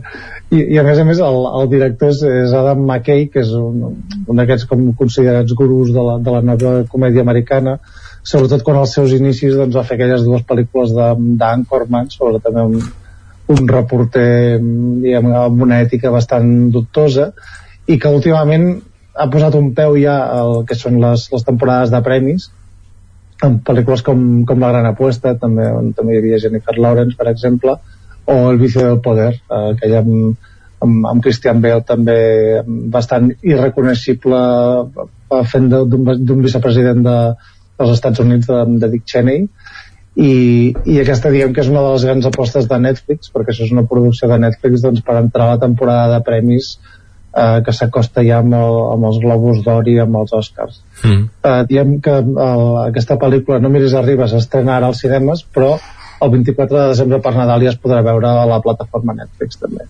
Molt bé. Doncs um, No miris arriba. De fet aquesta és la, és la, la única d'aquestes grans que parlarem que hem vist que, que es pot veure al Sucre i a, i a Ocine uh, i hem de dir que avui doncs uh, el meteorit aquest que, que havia de caure eh, potser és més petit i ha caigut a la web de del Cine Granollers perquè no, no podem consultar la cartellera directament però, però vaja que segons a, la, les altres uh, webs que repassen cartelleres és la estrena que també podem veure allà, eh? els Sucres i a, i a Ocine mm Sí, desconeixem de si l'oficina de Granollers doncs, té un problema, si s'ha extingit, si ha caurit un meteorit a sobre. Esperem que no, perquè ja que tenim pocs, pocs cines en aquest territori de la C-17, doncs com a mínim que, que segueixin d'en peus.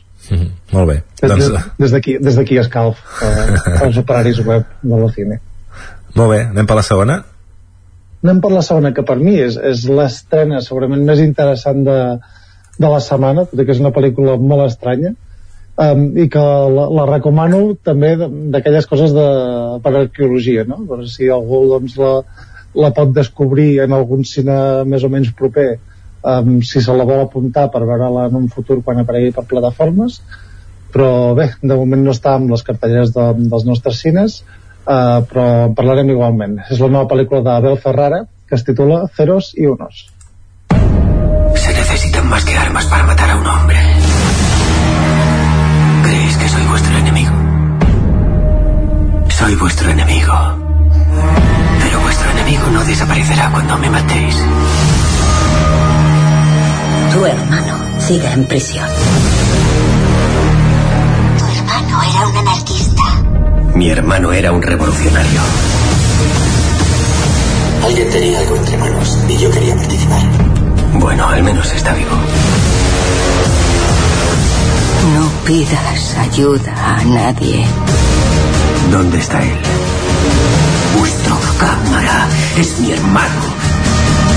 No durará ni diez minutos en la calle, sabiendo lo que sabe. Este es un campo de batalla.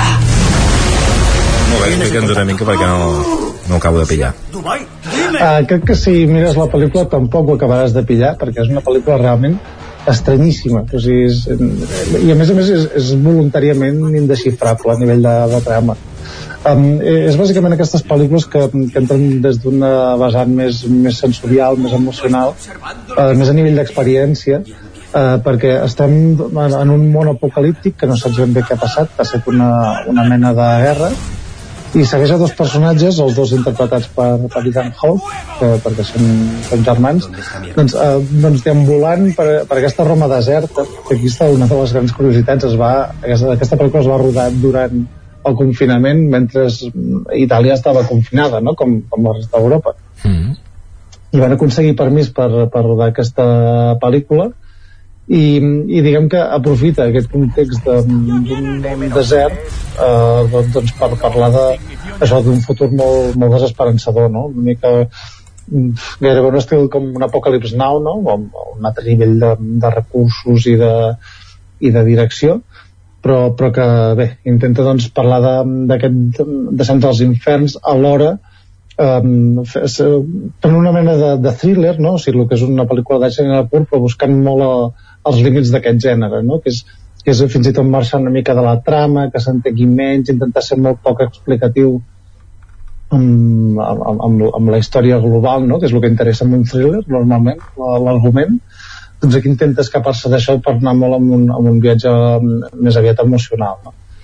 I, i a més a més és, és molt curiós que la pel·lícula comença justament amb, amb l'actor, amb el protagonista Ethan Hawke, parlant a càmera durant una bona estona, explicant de què anirà la pel·lícula i, i per què li ha agradat treballar amb la pel·lícula. No? És una, com, com una mena de recurs estilístic que ja ha fet servir Abel Ferrara, per exemple, amb, amb Welcome to New York, on també hi havia Gerard Depardieu parlant de per què li interessava aquella pel·lícula i és ja un, una manera molt diferent d'entrar de, en, en un audiovisual, no? que és que sigui l'actor que ja t'explica una mica de... Però, però, però està, introdu ja està. està introduït a la, a la trama o no? Simplement és... és... Sí, és, bueno, és, com, és com una part, és un pròleg. Vaja, no sé. Sí, sí, és, és una fórmules estranyes, no? De, de, bueno, al final Abel Ferrara és un, un cineasta amb una llarga trajectòria i, i a més és bastant creatiu i a més, a més explorant aquest, aquest tipus de límits en, entre la ficció i la realitat, no? A vegades ja té pel·lícules antigues seves que, que sí que intenten posar un peu a la realitat també d'una manera molt conscient i, i aquesta que al final això parla d'un món en descomposició no? que és una mica la, la sensació de, eh, que tenim amb el món actual eh, doncs eh, posa clar en context que estem parlant d'una ficció però que al final parteix d'una realitat molt, molt clara no? I, mm. i en aquest sentit doncs bé, és recursos de, de cineasta doncs, per introduir l'espectador molt bé, perfecte. Doncs eh, anem per la següent. I anem per la següent um, una, una última recomanació de les quals estarem sales a veure si podem veure-ho en un cine proper. És una pel·lícula espanyola també un, un thriller que es titula El Lodo Casi todos aquí trabajan mis tierras. Soy como su fuente de vida. Tengo una gran responsabilidad. Amor, vamos a recoger una muestra, ¿te vienes?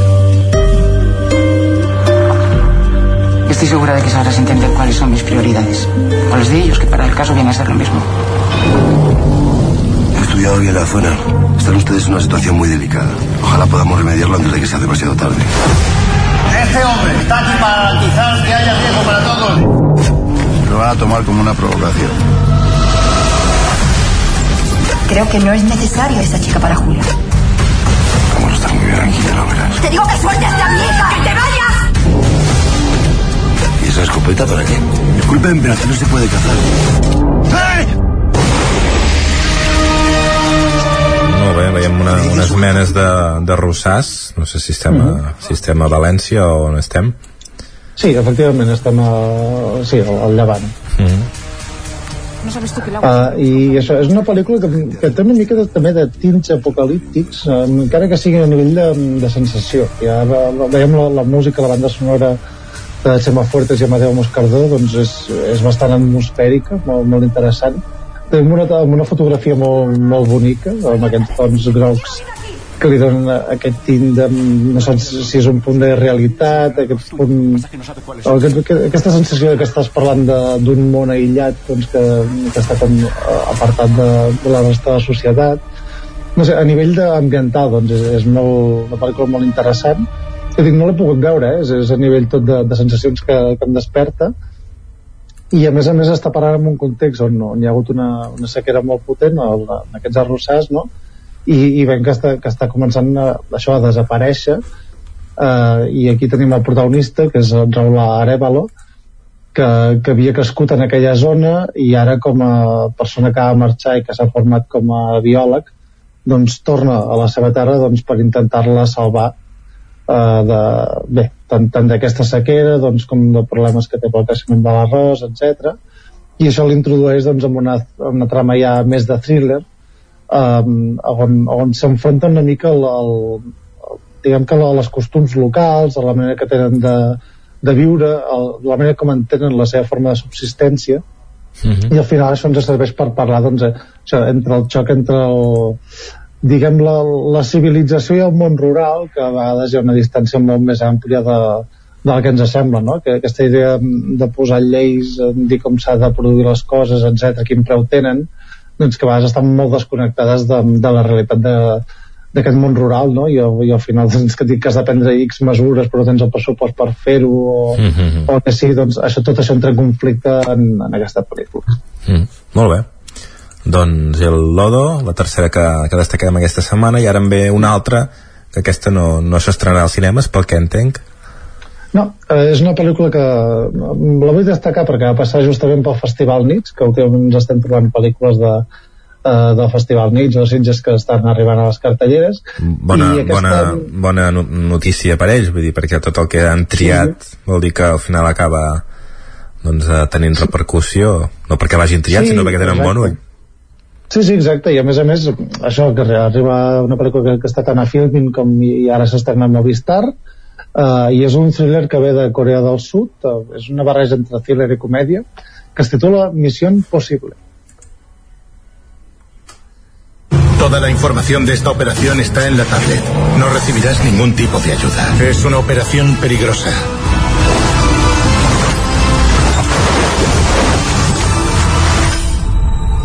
Tiene derecho a designar un fiscal. Abogado. Eso.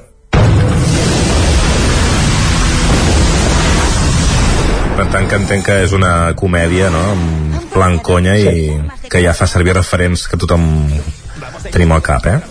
Sí, exacte, és, és una comèdia d'espies, eh, pura i dura, a més a més amb, amb història romàntica, òbviament, i, i és això, la comèdia d'acció, és una, una espia de, del govern xinès que s'alia amb, un, amb un detectiu privat que resulta ser uh, un exagent de les forces espacials doncs per, per investigar un, un cas no? que és bàsicament els, els dos renegats que, amb qui ningú vol comptar amb un cas que tampoc interessa que es resolgui i doncs diguem que les, la seva combinació de, d'esforços i talents doncs, servirà per, per resoldre aquest cas és una pel·lícula d'entreteniment pur i dur i, i gairebé m'estranya que se'n vagi directe a plataformes perquè crec que pot tenir un recorregut mm, comercial molt interessant perquè és aquestes pel·lícules entretingudes eh, que diverteixen, que a més a més tenen molta acció, eh, que es poden veure, diguem que apagant la ment, i a més a més que, que realment és divertida i està ben feta. Per tant, és d'aquelles pel·lícules que, mira, ja que estan a plataformes, doncs per passar una bona tarda eh, en família o amb amics, doncs una pel·lícula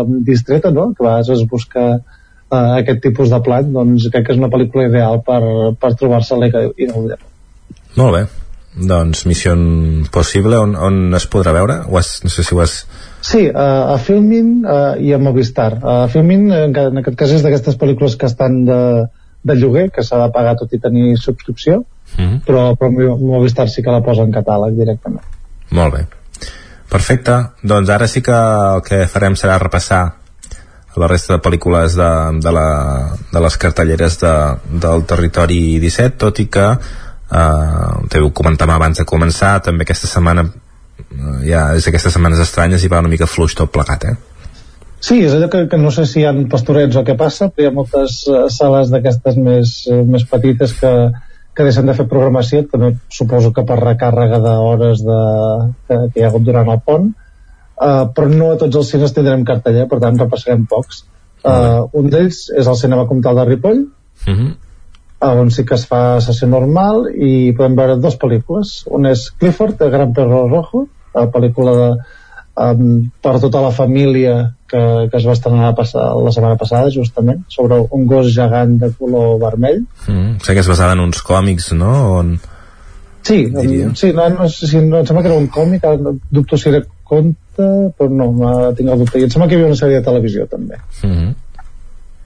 Sí, sí, és això, un, un, un rescatador d'animals, que, és, que és màgic, doncs li, li regala un gos amb una nena i aquest gos l'endemà doncs ja creix a unes dimensions desproporcionades, no? Mm. I, i és bonica perquè transmet una visió sobre eh, com els humans reaccionen a, a les coses estranyes d'una manera molt natural i és d'aquestes pel·lícules amb, entranyables amb valors positius doncs, que, que són boniques també per veure amb tota la família. Mm. És una sèrie de llibres, eh? Veig que el primer es va publicar l'any 63 i l'últim el 2015, el número 80.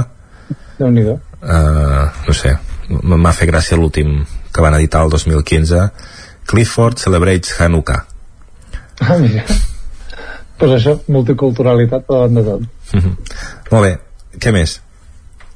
A Ripoll també podrem veure el pan de limón con semillas de amapola, uh, pel·lícula de la qual ja vam parlar, de, de Benito Zambrano, que s'ha quedat bastant fora de, de les nominacions a, als Premis Goya, em sembla que només té una sola nominació millor guia adaptat, Uh -huh. i, i és aquella pel·lícula que recordem era sobre dues germanes que es troben a, a Mallorca uh, per, que, perquè reben una herència d'una panaderia no? i és una mica la història d'aquestes dues germanes amb dues vides molt diferents uh, com gestionen aquesta herència de si es queda la panaderia, si la canvien ai, si la, si la traspassen perdó i és una història d'això, de conflictes familiars, d'una relació entre germanes i un, un cinema molt, molt naturalista, molt petit però, però alhora molt, molt bonic també Molt bé, i és la mateixa que es podrà veure a l'Esbarjo de Cardedeu. Sí, efectivament Al Cinema Catalunya de Ribes no, veiem que no hi ha programació aquest cap de setmana. Mhm. I al Casal Camprodoní, Madres Paralelas. Sí, també cine espanyol, una pel·lícula que sí que ha tingut més reconeixement, eh, tot i que segurament menys del que s'esperava, perquè no, no ha aconseguit ni, ni estar nominat als Oscars, tot i ser de Pedro Almodóvar, no? que sempre, que sempre és la, la carta fixa de- d'Espanya per anar als Oscars, i només, entre cometes, vuit nominacions a, als Premis Goya, però bé, aquesta última pel·lícula de, de Pedro Almodóvar doncs, que es podrà veure també a Camprodon. Molt bé, doncs això és tot.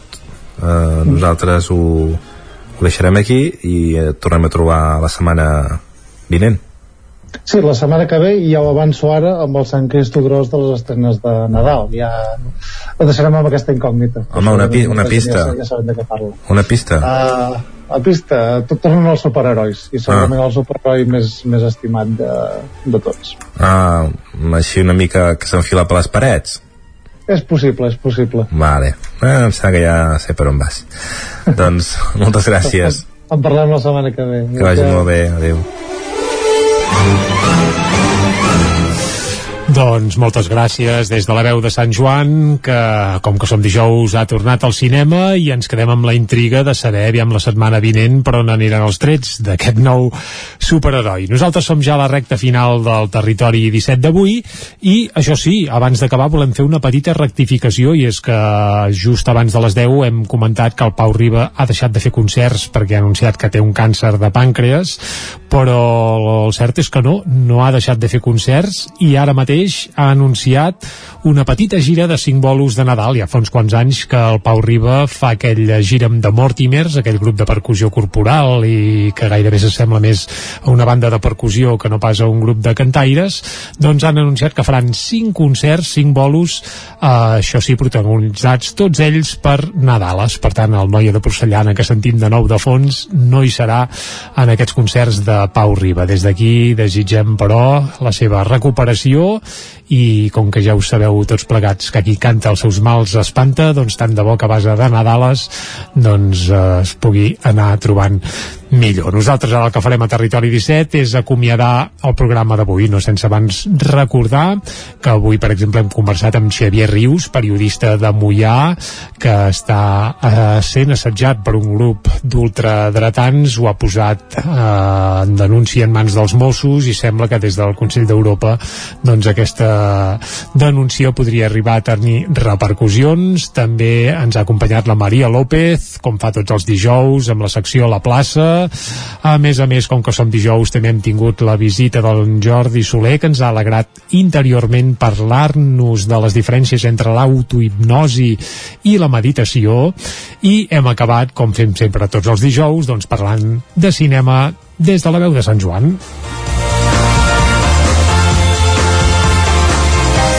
I ara sí que ja només ens resta desitjar-vos un molt bon dia i emplaçar-vos a retrobar-nos de nou demà aquí a Territori 17. Com sempre hi serem fent-vos companyia des de les 9 del matí i fins a les 12 del migdia. Fins llavors, salut i que vagi molt bé.